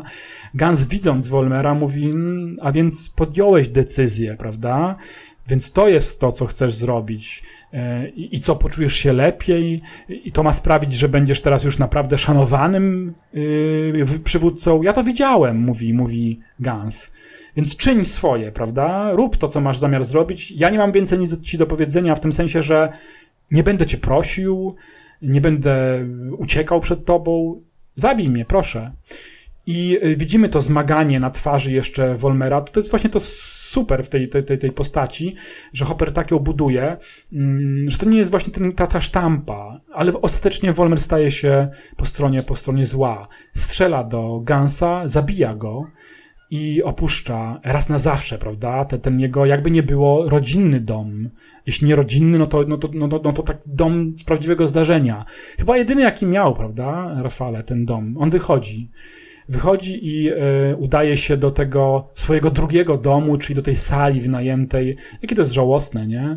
Zabija swojego przebranego ojca, wychodzi z domu i zaszywa się w wynajętym pomieszczeniu, gdzie za sobą ma portrety swoich idoli y, i portret samego siebie, więc ten narcyzm się tu też pojawia, który też dominował. Dominuje chyba w każdym jakby odcieniu satrapy, gdziekolwiek spojrzymy, no to to się też gdzieś z tym wiąże, że oni mają w sobie ten y, rys, ten pierwiastek narcyzmu. No i Gans, y, tutaj już zmierzamy do końca, pojawiają się przedstawiciele prawa, w sensie, że jest, jest, jest to chyba detektyw albo y, jakiś, jakiś y, bardziej agent FBI. Bardziej, bardziej FBI, tak, bo to, to też, też no się tak, wiąże już, już, już, z tak. rzeczywistością tak. tego okresu, gdzie te, tego typu ruchy na szczęście były obserwowane. To, to, to jest tak. jedna z tych rzeczy, którą Sterling tutaj też się przytacza, to bardzo często, że on zawsze sprawdzał to, to czy, na, czy naprawdę taka sytuacja mogła mieć miejsce. Zresztą tutaj dużo jest rzeczy, które nawiązują do rzeczywistości, do realnych wydarzeń i to do rzeczy, które miały, mogły mieć miejsce. Także na pewno był obserwowany Wolmer, na pewno na tym etapie, do którego już no, udało mu się przekonać troszeczkę większą liczbę osób. Pojawia się tak, agent słuchaczy. FBI, no pamiętajmy, że Wolmer ma cały czas w ręce rewolwer, Y, dany mu przez Hitlera to nie jest rewolwer, to jest... Ja się nie znam na broni, ale to nie jest rewolwer, bo rewolwer to jest ten taki inny. to jest szczegół. To jest luger. No właśnie, o, dzięki. Niemiecki, niemiecki luger, tak. Dzięki, no właśnie to jest ta charakterystyczna bardzo broń. Ja ją pamiętam, wiesz z czego? To trochę może dodamy, bo jest duży pomrok w dzisiejszym naszym epizodzie, dodamy trochę humoru. Ja ją doskonale pamiętam z serialu Stawka Większa niż Życie, takiego mm. Lugera, mm tak? Miał, miał przecież mm. Hans Kloss. Ale ważniejszy jest nie, nie jest typ broni, tylko to, co się dzieje, no bo Chyba, chyba, chyba, chyba miał Lugera, faktycznie. Mhm. Ja, ja kojarzę właśnie z serialu, chyba to był ten e, Walter PPK, ale, ale czy, czy, to, to, czy to jest ten sam? Nie znamy. Na broni się znamy tak samo dobrze jak na ma marynistyce, tak o więc samym tutaj pomyślałem. wybaczcie nam. Ale, ale tu zdecydowanie to, to co e, tutaj mhm. znalazłem w źródłach mm. na temat tego, tego, tej broni, którą trzyma Wolmer, to jest Luger. No i, i a co miał Hans Kloss, to nie pamiętamy dokładnie. Okej. Okay. Pewnie nam słuchacze pomogą. To troszeczkę się śmiejemy. Nagłos, może to jest żart taki bardzo zamknięty, ale y, w nawiązaniu do naszego jednego z epizodów odezwał się słuchacz, bardzo dziękujemy zresztą, który, który y, nas spunktował na, na naszą, nieznajomość y, mm, stopni w marynarce amerykańskiej. Mam na myśli The 30 Fathom Grave epizod naszego czujnego słuchacza, który napisał na Facebooku Strefa Mroku podcast, no wytykając nam pewne błędy. Ja tam pamiętam, chodziło o Chief Bella między nimi. Bardzo dziękujemy. I tutaj liczymy na to, że znowu się ktoś odezwie i powie, czy, czy, czy, czy co trzymał Wolmer w ręce, a co trzymał Hans Kloss w y, stawce Więcej niż życie. Y, ale nie zapominajmy, że to jest, y, że to jest Ameryka. Ameryka, gdzie dominuje broń ciągle i tam wtedy też. W związku z tym, jeśli ktoś ma broń w ręce, może bardzo szybko zostać no, za, zaatakowany, to złe słowo, ale sprowadzony do poziomu takiego rzuć broń, prawda? Natychmiast proszę rzucić broń. Taki okrzyk, tak na dzień dobry wita się z nim agent FBI. No cóż, Wolmer jest y, już teraz zdesperowany, nie chce od, się oddać w ręce sprawiedliwości, chce się bronić. Ucieka z tego pomieszczenia. Jest taka właśnie gonitwa w klimacie kina noir. Znamy to z filmów y, niemal każdego finału filmu te, typu Trzeci Człowiek, y, ucieczka, gdzie, gdzie, gdzie widzimy jakimi załukami ciemnymi Wolmer ucieka przed policjantem i agentem FBI. On zostaje w końcu zapędzony w taki kozi róg, mówiąc po polsku. Jest przy, takiej, przy takim... Mm, ścianie y, ze schodami y, pożarowymi i cały czas nie chce oddać tej broni, strzela, jak dobrze pamiętam, też do swoich, swojej pogoni. No i w końcu oni odpowiadają y, również ogniem i Wolmer pada śmiertelnie ranny. I to jest bardzo ciekawe i, i pozwolę sobie na kolejną an, y, analogię znanym polskim dziełem, o którym dzisiaj mówiłem, o Popiele i Diamencie. Tam postać grana przez Cybulskiego y, umierała na końcu na śmietniku i tu się dokładnie to dzieje. Zwróciłeś na pewno uwagę, Rafale. Peter Wolmer ranny, okrwawiony, to też jest taka nowość, bardzo to jest sugestywnie pokazane. On się chwyta za pierś, ma znowu ten, te, te spocone czoło, łzy w oczach. Bardzo sugestywnie tutaj również gra Hopper cały czas do końca, ale ważne jest to, że on upada właśnie wprost na jakieś kubły ze śmieciem, ze śmieciami. I to jest niesamowita metafora. To jest, to jest symbol i, i jeśli my boczymy się na tego Hitlera, który się pojawia w epizodzie, to wydaje mi się, że ten symbol, że Wolmer umiera na śmietniku, moim zdaniem jest, jest, jest ciekawy i, i, i, i mocny i, i no, w jakimś sensie dobry, dobrze robi temu epizodowi. No, pojawia się jeszcze ten cień Hitlera. Tu już nie ma samego Hitlera, kiedy Wolmer umiera, ale na ścianie pojawia się cień charakterystyczny. Tak jak Hitchcock miał swój cień charakterystyczny, to również profil Hitlera jest tu rozpoznawalny.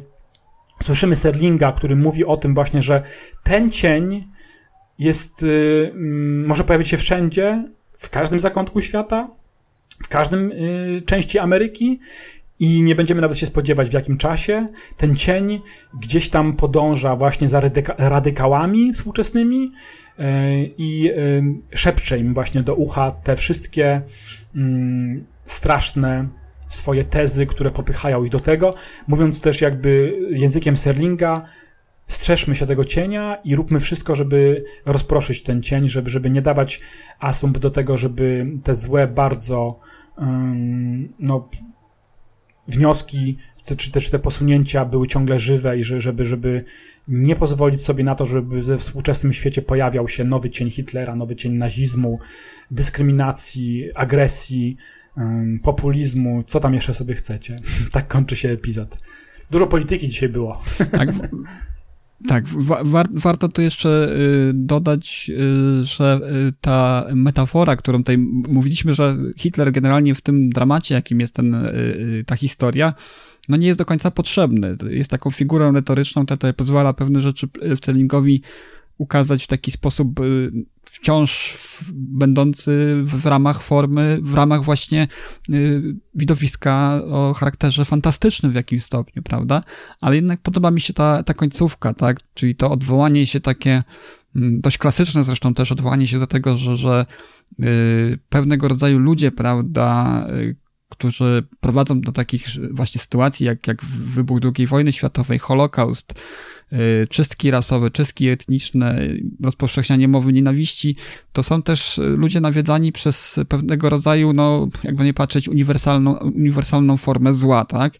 I tutaj jest właśnie to przejście, ta śmierć Wolmera na końcu i to odejście właśnie w ciemność tej, tej sylwetki. No my wiemy, że on wkrótce w tej czy innej formie nawiedzi kogoś jeszcze, tak? Czyli to jest takie bardzo, bardzo y, głęboko mitologiczne wręcz, prawda, zło tutaj, które, które, które tutaj manifestuje się pod postacią Hitlera i to jest akurat fajne. To mi się akurat tym, w tym odcinku podobało jeszcze, y, patrząc po prostu na tą warstwę, warstwę fantastyczną. Śmierć Wolmera jest też fantastyczna, kiedy on postrzelony nie może w to uwierzyć. To, to, to jest też ta część tego kultu, który sobie sami narzucają, które sami po pewnym czasie zaczynają wierzyć ci przywódcy, że on, on mówi, niemożliwe, przecież jestem ze stali, nie, nie mogę umrzeć, prawda? Jestem, niezniszcz, jestem niezniszczalny, jestem Bogiem. No tak, tak, tak można to interpretować. Więc tu jest yy, ta rzecz, która mi się bardzo podoba. I jeszcze jedna taka rzecz, która jest no, naprawdę uniwersalna i o której warto, warto pamiętać, bo tu Gantz, który jest takim przeciw, przeciwieństwem yy, Y, Wolmera, przeciwieństwem tego, tych, każdej tezy, którą głosi, człowiekiem, który zauważa w nim i tą słabość i to, jakie zagrożenie mimo tego ta, ta, ta, tego typu ludzie mogą nieść. I czy my tego nie widzimy również we współczesnych czasach? Widzimy śmieszność pewnego rodzaju przywódców, mm. prawda? Widzimy śmieszność tak. ich zachowań, miałkość, groteskować, ale jednak to nie umniejsza temu, że są niebezpieczni. I tutaj mamy tą, tą pigułkę taką e, właśnie tego rodzaju, że pokazuje nam się, tak, on był może śmieszny y, dla Gansa, może Gans jako jedyny nie bał się powiedzieć otwarcie, kim jest, tak? Chłopcem, który wciąż płacze y, w kanapę, y, leżąc na kanapie, a jednak mimo wszystko okazuje się, że gotów jest wykonać, dokonać ogromnej, ogromnego, okropnego czynu zła, tak?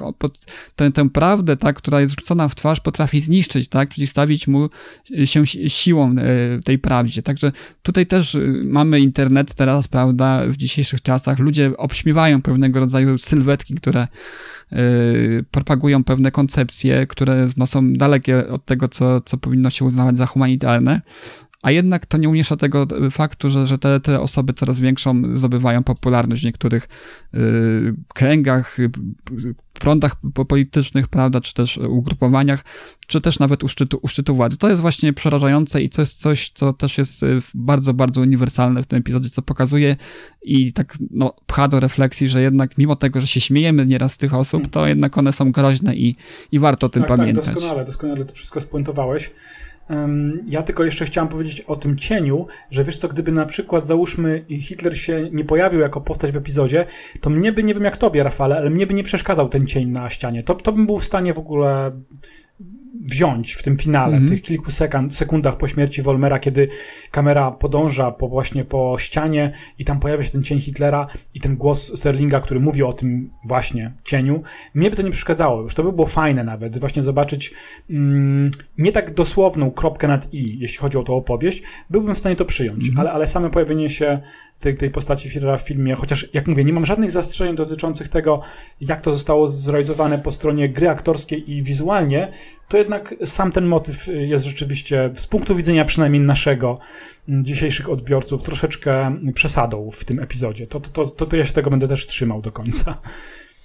No dobrze, mamy więc omówioną fabułę całą. Troszkę w trakcie sobie zrobiliśmy też różne, różnego rodzaju porównania z światem, który jest opisany w epizodzie, to znaczy mieliśmy i II wojnę światową, i amerykańską sytuację ówczesną lat 60.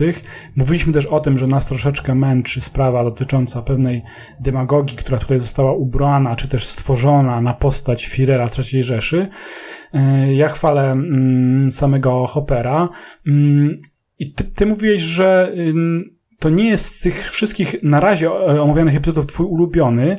Ja się będę skłaniał jednak ku temu, że tak, że He's Alive z tych czterech epizodów ten jest mój ukochany. Na razie. Zobaczymy, co się będzie jeszcze oczywiście działo. Um, I tyle ode mnie. Nie wiem, co ty jeszcze chcesz dodać. No na pewno jest to, to jest epizod szczególny też. E, pewne rzeczy tu irytują. Pewne rzeczy, tak jak powiedzieliśmy wcześniej, wskazaliśmy na nie, nie, nie do końca są potrzebne. Pewne rzeczy zrealizowalibyśmy w inny sposób dzisiaj. E, faktycznie Hitler pozostający w cieniu, nawet jeżeli widz domyślałby się tego, że to jest on, to i tak by niewiele zmieniło. Znaczy, zmieniłoby tyle, że było to taki w sferze domysłów, czyli to zło by było takie mniej, mniej materialne, prawda, mniej takie groteskowe. Natomiast, no, jednak mimo wszystko ten, im, im dłużej się o nim rozmawia, tym więcej rzeczy przychodzi do głowy i to jest właśnie chyba siła tego epizodu, że, że po prostu. Jest to coś, e, co Sterling bardzo często podnosił w strefie mroku, bo mieliśmy przecież i odcinki, które w jakiś sposób nawiązywały do tego typu rzeczy, tak? Do tego typu zła, które gdzieś tam na świecie i w ludzkich e, duszach, sumieniach drzemie, tylko czeka, by na pewien moment by się by podnieść głowę, by się obudzić.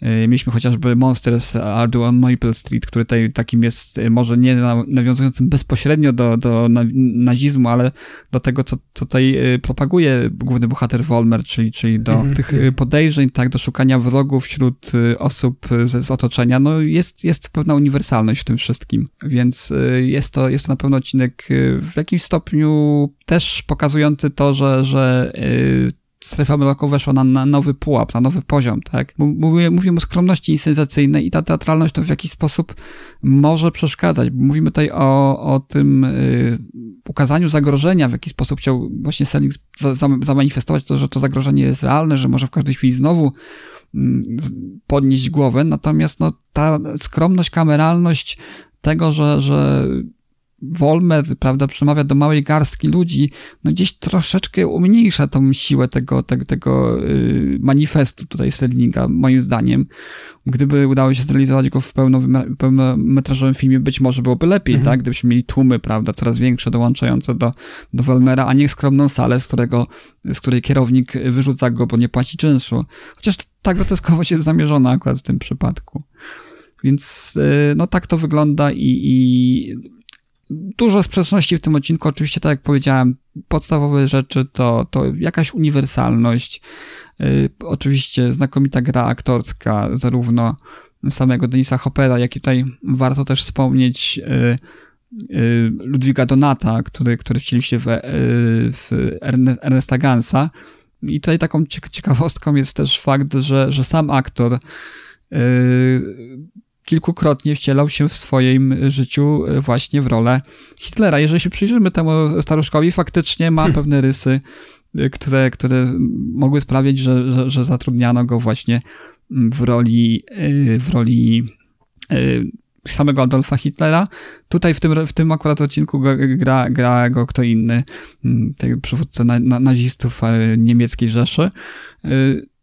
Oczywiście warto jeszcze dodać, że, że sam Ludwik Donat był, był Żydem, co też nie jest y, nowością w strefie mroku, że, że właśnie tak y, powiedzmy skrajna, skrajnie odmienna rola, skrajnie odmienne role przypisywane były y, aktorom, którzy przeszli też piekło nazizmu, którzy też pamiętali Dachau i, i wydarzenia wojenne, tak, chociażby mieliśmy już przecież wcześniej y, w odcinku Deadhead Revisit taką samą sytuację, prawda, że wcielił się właśnie w rolę nazisty, oficera y, koncentracyjnego, no, człowiek, który sam był, prawda, y, ofiarą y, wydarzeń wojny, prawda, i, i prześladowań. Więc tutaj taki dość, dość, dość ciekawy motyw. Y, odcinek to dobry, odcinek świetnie zagrany, ze znakomitymi dialogami, oczywiście sterlingowskimi dialogami, sterlingowskimi bohaterami, tylko tyle, że dzisiaj może być taki odbierany jako dość mocno, mocną, grubą kreską pociągnięta metafora. Podobało mi się to, co powiedziałeś, bo rzeczywiście tutaj tak jest, z tych wszystkich na razie czterech epizodów omawianych. Ten jest najbardziej kameralny. Myśmy podkreślali, że ta, mm, ten metraż przekładał się również na powiększenie budżetów i widzimy wiele lokacji w tych wcześniejszych epizodach. Tutaj się z Tobą zgadzam, rzeczywiście, że on, pomimo tego, że trwa ponad 50 minut, to on bardzo przypomina jakby inscenizacyjnie, realizatorsko te epizody z pierwszego sezonu Strefy Mroku. Tak, tak to wygląda. Y, I tak mi się skojarzyło teraz a propos tego, co powiedziałeś, co przed chwilą ja dopowiedziałem, że to jest taki trochę y, Führer na dzielni. Taki, wiesz, taki, taki Hitler z dzielnicy. In the block. Że on tutaj ma taką garstkę właśnie w tej dzielnicy swoich y, zwolenników i tu się zatrzymuje. Troszeczkę tak to wygląda. Rzeczywiście tutaj nie ma Um, oprócz tego pojawienia się na końcu agenta FBI, jakiegoś takiego szerszego kontekstu, który włączałby um, rzeczywiście jakieś takie groźniejsze w znaczeniu trwania, czy też znaczeniu bardziej losów samego głównego bohatera, na, na, naszego e, Petera Wolmera, że, że tutaj to wszystko jednak jest na tym poziomie e, właśnie jakiejś takiej jedności miejsca, tam gdzie on się urodził, gdzie się wychował i tam gdzie znał tych kumpli, gdzie znał jakichś sąsiadów, to to wszystko się dzieje w tym miejscu. Tu nie ma żadnych podróży, żadnego zwiedzania, chociażby tak jak mieliśmy w Valley of the Shadow w epizodzie, gdzie rzeczywiście wiele rzeczy można było tam zobaczyć, nie tylko jedną lokację, ale wiele, wiele różnych rzeczy. To, to się tutaj muszę z Tobą zgodzić, że tutaj ten epizod w tym wymiarze jednak jest ym, tańszy i przypomina trochę te pierwsze odcinki z pierwszego sezonu. Na koniec nas Serling zaprasza do kolejnego epizodu. Jest nim epizod potem Mute.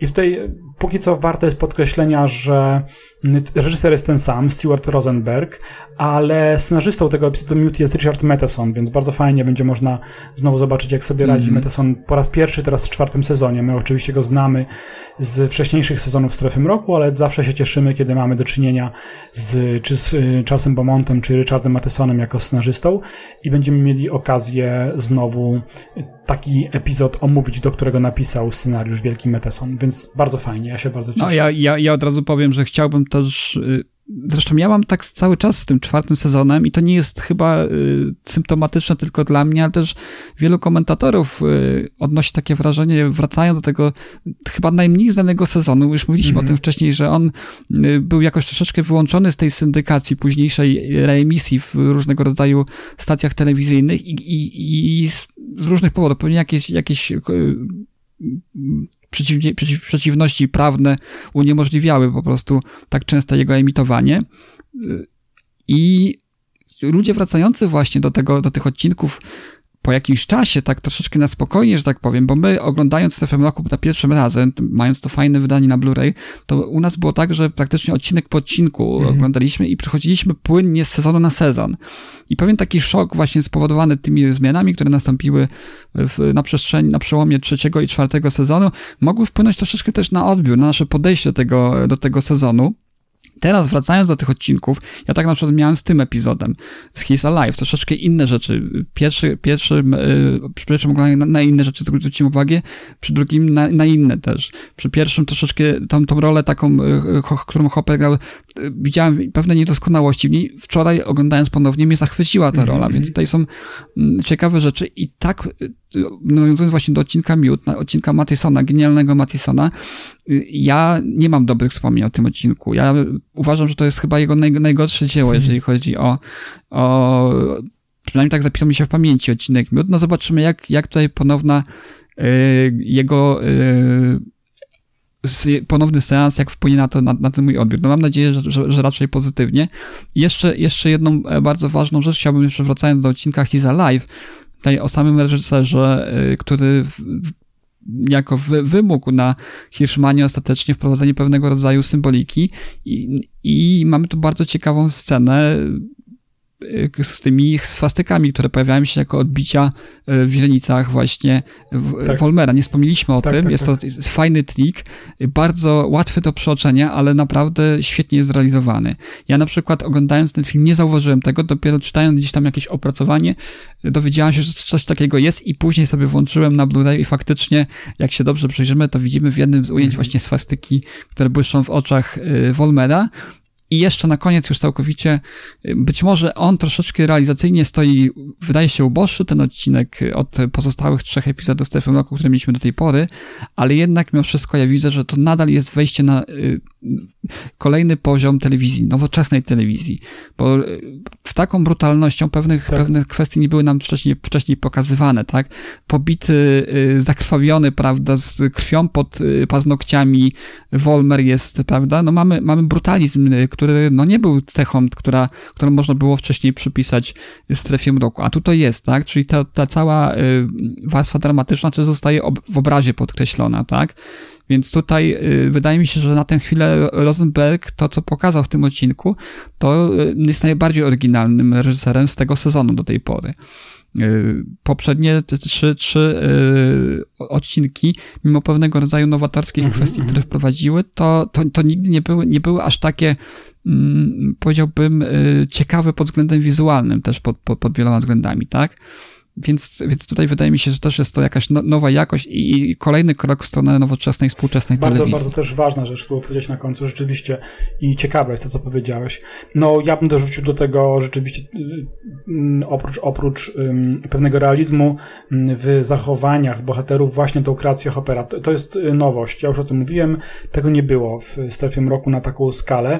Um, pewne dziedzictwo będzie ciążyło tej kreacji Hoppera, pewnie na jego samej drodze zawodowej, ale też tak jak powiedziałem, no, Jack Nicholson w Lśnieniu, to, to, to jest jakby podobny rodzaj instrumentów, z jakich korzystają aktorzy później. I to się nie wiąże z tym, że być może Nicholson widział Hoppera w y, tym serialu, mogło tak być, ale bardziej chodzi o to, że narodziła się ta nowa szkoła, y, właśnie, która, która uczy nowych, młodych aktorów amerykańskich. Pewnego emocjonalnego, bardzo mocnego zaangażowania w swoje role. I to będziemy obserwować w innych filmach później, a tu obserwujemy po raz pierwszy w tym epizodzie Strefy Mroku i tutaj rzeczywiście warto to... No ja pamiętam, że przy pierwszym seansie brakowało mi w roli Hoppera tej charyzmy, którą ja bym widział u takiego przywódcy, ale dopiero po którymś seansie, to, tym ostatnim, wczorajszym doceniłem to, że to nie jest ważne mm -hmm, w tej mhm, postaci, mm -hmm. prawda? Bo y, istotna w tej postaci jest jej małość, tak? Mm -hmm. Jej małość i miałkość i to dlaczego taka postać może osiągnąć coś takiego, tak? Dojść do takiego, do takiej, do takiej władzy. I, i to chyba właśnie bardzo dobrze nam tutaj Hopper na tak, ekranie tak, sprzedaje. Tak, zgadzam się z tym też w 100%. No dobrze, i to chyba wszystko, mm. Rafale, dzisiaj y, w naszym epizodzie. Oczywiście słyszymy się wkrótce w strefie mroku. Mm, tyle. Do usłyszenia. Dziękuję również i do usłyszenia. Witam głodno i serdecznie w wstawce, której na koniec już nikt nie słucha. Z tej strony Żarłok z Żarłok TV oraz e, z konglomeratu podcastowego. Witam serdecznie. Niestety mieliśmy się łączyć z kolegami, ale okazało się, że pozostaliśmy w swoich strefach mroku, gdyż niestety Discord odmówił posłuszeństwa. Oj, a wierzcie mi, że robiłem wszystko, żeby się połączyć. Wstałem, ledwo co wyspałem się marne sześć godzin i niestety na nic, na nic. No jak widać duch Petela Wormera, no niestety jak widać wiecznie żywy i chciał nam przeszkodzić i mu się udało. Więc mimo tutaj naszych przygotowań nie udało się, ale jeżeli wytrzymacie jeszcze kolejnego gościa, to ja teraz będę takim kwiatkiem do kożucha. Niestety ja nie słyszałem e, audycji, kiedy nagrywam to, więc e, nie wiem dokładnie, co mówili koledzy, e, więc jeżeli będę się powtarzał, to przepraszam czyli y, ostatni głos na koniec, który wyjdzie bucowaty w kontekście zachwytów y, moich poprzedników. Tym bardziej żałuję, bo od Rafała dostałem informację, że wczorajsze podejście było również sceptyczne. Dopiero podczas rozmowy i po powtórnym seansie inaczej ocenił ten epizod. E, chociaż e, jesteśmy przy czwartym epizodzie i właściwie w każdej poprzedniej audycji chłopaki mówią, że niby jest za długo, ale jednak są to pozytywne oceny. Jeśli chodzi o mnie, to jestem bardzo rozczarowany tym odcinkiem. E, wydaje mi się, że jest to do tej pory najgorszy odcinek czwartego sezonu. Nie ma co nawet go porównywać do odcinka mm, o obozach koncentracyjnych z poprzedniego sezonu. Dlaczego ja się tak czepiam i co mi się tutaj nie podoba? Oczywiście, przesłanie odcinka jest jak najbardziej słuszne. Sprzeciw wszelkim totalitaryzmom, na przykładzie Hitlera.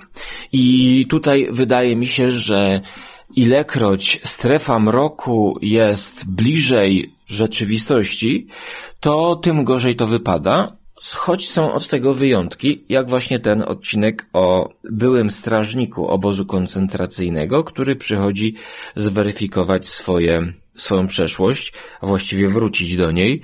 Tutaj od samego początku miałem nadzieję i wydawało się, że to będzie prowadzone w jakiejś alternatywnej rzeczywistości że pozostaniemy chociaż troszkę w jakiejś metaforze.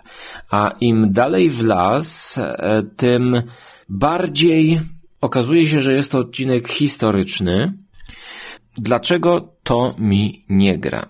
Po pierwsze, zbyt grubo ciosane, wprost wyrażane do widza łopatologiczne frazy, w trakcie 52 minut są tak męczące już, że naprawdę, naprawdę robi się monotonnie, więc technicznie mi się to nie sprawdza. Przykładowo jeszcze scena, e, swoją drogą bardzo intrygująca, typowo strefowa, mroczna, kiedy Wolmer wraz z ekipą musi zapłacić za lokal, brakuje mu 200 dolarów, Okazuje się, że ktoś pod drzwi wrzucił 200 dolarów w kopercie. No, myślimy sobie, cóż za dobry zbieg okoliczności. Zapewne jakiś fanatyk, miłośnik e, tej partii dał taką e, kwotę. Tak to wygląda na poziomie e, fabuły. Tak myślą postacie. Ale my, jako widzowie, wiemy, skąd pochodzą te pieniądze. No, gdyby nie te pieniądze, to być może za, w ten sposób, w tym momencie, zakończyłby żywot y, Petera Wolmera jako polityka. Zakończyłby się, gdyż po prostu nie miałby lokalu do prowadzenia swojej działalności, tylko znowu wróciłby na ulicę. Więc my wiemy, że są to pieniądze pochodzące właśnie ze strefy mroku. Ale Gdybyśmy tego nie wiedzieli, bądź wyszli podczas seansu zrobić sobie herbatę, to scenarzysta nam dopowiada. Pokazując Hitlera, który mówi, że tak, tak, tak, to właśnie ode mnie był ten prezent, ta koperta, przydało ci się, prawda?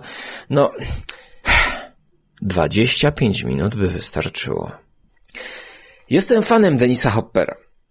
Ale dlaczego tutaj nie potrafię wykrzesać emocji do niego? Podstawowym zarzutem mogłoby być to, że jest to aktor jeszcze tutaj rozwijający się, który gra na tych samych e, nutach.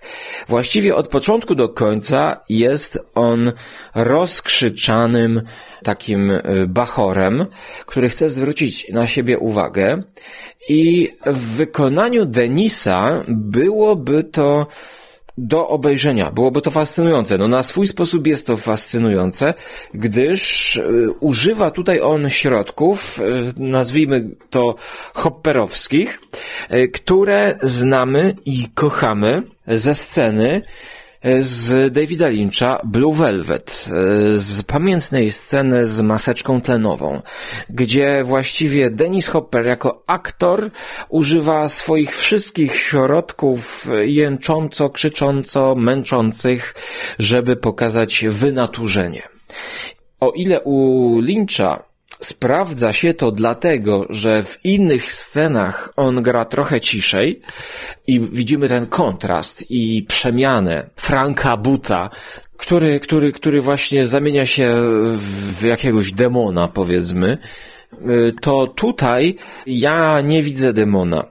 Ja widzę po prostu przeszarżowaną rolę bo żebym ja uwierzył w ten szał, to ten aktor powinien się zachowywać normalnie w jakichś innych sytuacjach. A on tutaj cały czas jest z wysokiego C. Jedyna scena, w której on pokazuje zwykłego człowieka, bohatera z krwi i kości, to scena, w której Denis wraca do domu, do mieszkania e, i spotyka swojego, no, przyjaciela, starszego człowieka, który dla niego jest ojcem wręcz. Właściwie to jest jedyna scena prawdziwa dla mnie z tego filmu, kiedy on rozmawia e, z, z takim swoim mentorem no, niesamowity kontrast. Jak świetnie zagrał Ludwig Donald. Przepiękna, spokojna rola, gdzie starszy człowiek tłumaczy e, sens życia e, naszemu e, Wolmerowi. Obawiam się, że ten aktor przyćmił Denisa Hoppera, bo ja czekałem tylko na sceny z udziałem tego staruszka. Zastanawiam się, czy jest tutaj niekonsekwencja, bo odczuwałem, wydaje mi się, że jest tutaj pewna niekonsekwencja w całym epizodzie. Kiedy pojawia się inny mentor Wolmera, mm, czyli ukryty w cieniu Hitler, jest on właśnie ukrywany przed nami. Tak jakbyśmy się nie domyślali, że to chodzi o Hitlera. Gwóździem do trumny jest to, że na koniec jest ta postać pokazana. Pokazujemy postać jakąś historyczną, nie pokażemy jej twarzy, ukryjemy ją w cieniu, e, no, będziesz miał jakieś podświadome skojarzenia tylko z nim, z tą postacią historyczną, a na koniec tak zrobimy reveal i okaże się, że to był Adolf Hitler. No, chyba już w, po, w połowie gdzieś widać, że Wolmer rozwiesił sobie zdjęcia swojego idola i że chodzi o tę postać. Zupełnie też nie rozumiem takiego sztucznie robionego napięcia pod, podczas pokazywania tej postaci. E, choć oczywiście sama metafora, że to on stworzył Darkness i, i on jest w tej ciemności i potem wychodzi z ciemności jest, jest, e, jest fajna. E, ciekawe, że wśród pomagierów Petera Wolmera jest Paul Mazurski, aktor e, znany później, e, a także reżyser, który później wyreżyserował chociażby Unmarried Woman. Tutaj on zaczynał, jeszcze się tak nie wyróżniał, ale to jest wszystko tutaj właśnie ułożone dobrze, bo najbardziej charyzmatyczny jest Dennis Hopper i taki on ma być. Jednakże powinien też być w jakiś sposób ludzki. Dla mnie tutaj za mało jest to zbalansowane. Niestety, pomimo jakby tutaj godnego przesłania, które na koniec jeszcze Rod Serling nam wprost wykłada, ja zostaję obojętny. Całkowicie obojętny. Nie odczuwam tej grozy, może by to bardziej wyszło, gdyby właśnie pozostawiono to w sferze jakiejś alternatywnej rzeczywistości, e, podobnie tak jak, e, nie wiem, ekranizacja 1984 roku Orwella, żeby to było właśnie bardziej wyabstrahowane z naszej historii. No ale to jest już też alternatywna wersja tego odcinka, gdyż tutaj e, Serling chciał zrobić coś takiego właśnie wprost historycznego. Mm, widać, że, no nie wiem czy z wiekiem, bo przecież Rod Serling e, na przestrzeni tych sezonów się jakoś bardzo nie zestarzał, ale nie tyle z wiekiem, co właśnie z rozszerzonym metrażem, Serling wpada w kolejne takiej dosłowności, łopatologizmu i ja jestem rozczarowany i może ze swojej strony poleciłbym alternatywny film, który również pokazuje Hitlera, mianowicie pełnometrażowy twór e, Ernsta Lubicza z 1942 roku pod tytułem To Be or Not To Be, który Później w latach 80. został zremakeowany przez Mela Brooksa. Jest to opowieść o aktorach, którzy grają w okupowanej Polsce. Też y, muszą odgrywać Hitlera, czerpać z niego wzór, wcielać się w niego. Polecam ten film y, jako taki właśnie Arebur, strefę roku Arebur. Właściwie z komediowym podejściem. E, czyli ja to polecam tak jakby na odtrutkę po strefie mroku, jeżeli ktoś chce pozostać e, w podobnej tematyce. Znakomity film. E, widzę, że na IMDb jest na 194 miejscu Top Rated Movies, czyli naprawdę no, coś docenionego również dzisiaj i ogląda się to wyśmienicie, pomimo, że jest to półtorej godzinny długi film. Naprawdę polecam Ernst Lubitsch To Be or Not To Be. Bo lepiej być właśnie Chaplinem, tak jak też słyszałem, że wspominali o dyktatorze. No i tutaj mniej znany film amerykański, który, no może nie kładzie Hitlera na pierwszym planie, ale e, Führer jest motorem napędzającym fabułę e, tej farsy. Z większą nadzieją czekam nie na kolejne epizody strefy, ale na kolejne epizody podcastu Strefa Mroku, gdyż słuchanie o rodzie Serlinku w tym przypadku było dla mnie bardziej ciekawe niż sam odcinek. Szkoda, że nie mogłem się połączyć z chłopakami, bo myślę, że doszlibyśmy tutaj do jakiegoś wspólnego konsensusu i też jestem ciekawy tej zmiany u Rafała. E, no, ale to już dosłucham sobie mm, solo. Serdecznie dziękuję. Pozdrawiam wszystkich strefowiczów. No i do zobaczenia na Żarłok TV na YouTubie, bądź do usłyszenia w przyszłości w kolejnych audycjach w strefie mroku. Zobaczymy. Cześć. Do usłyszenia. None. Steal tonight. Steal. And no regrets. None. What did you destroy tonight? Only a disease. A growth that was on our flesh that had to be removed. Not a man. No, hardly a man. How did it feel?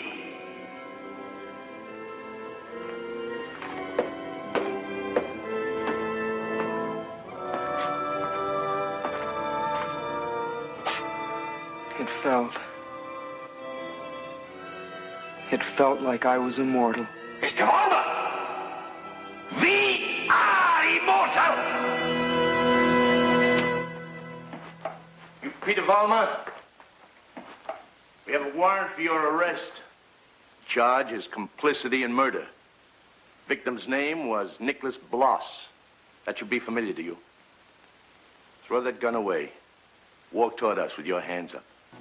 Where will he go next? This phantom from another time, this resurrected ghost of a previous nightmare. Chicago, Los Angeles, Miami, Florida, Vincennes, Indiana, Syracuse, New York. Any place, every place. Where there's hate, where there's prejudice, where there's bigotry. He's alive. He's alive so long as these evils exist. Remember that when he comes to your town. Remember it when you hear his voice speaking out through others. Remember it when you hear a name called, a minority attacked, any blind, unreasoning assault on a people or any human being. He's alive because through these things, we keep him alive.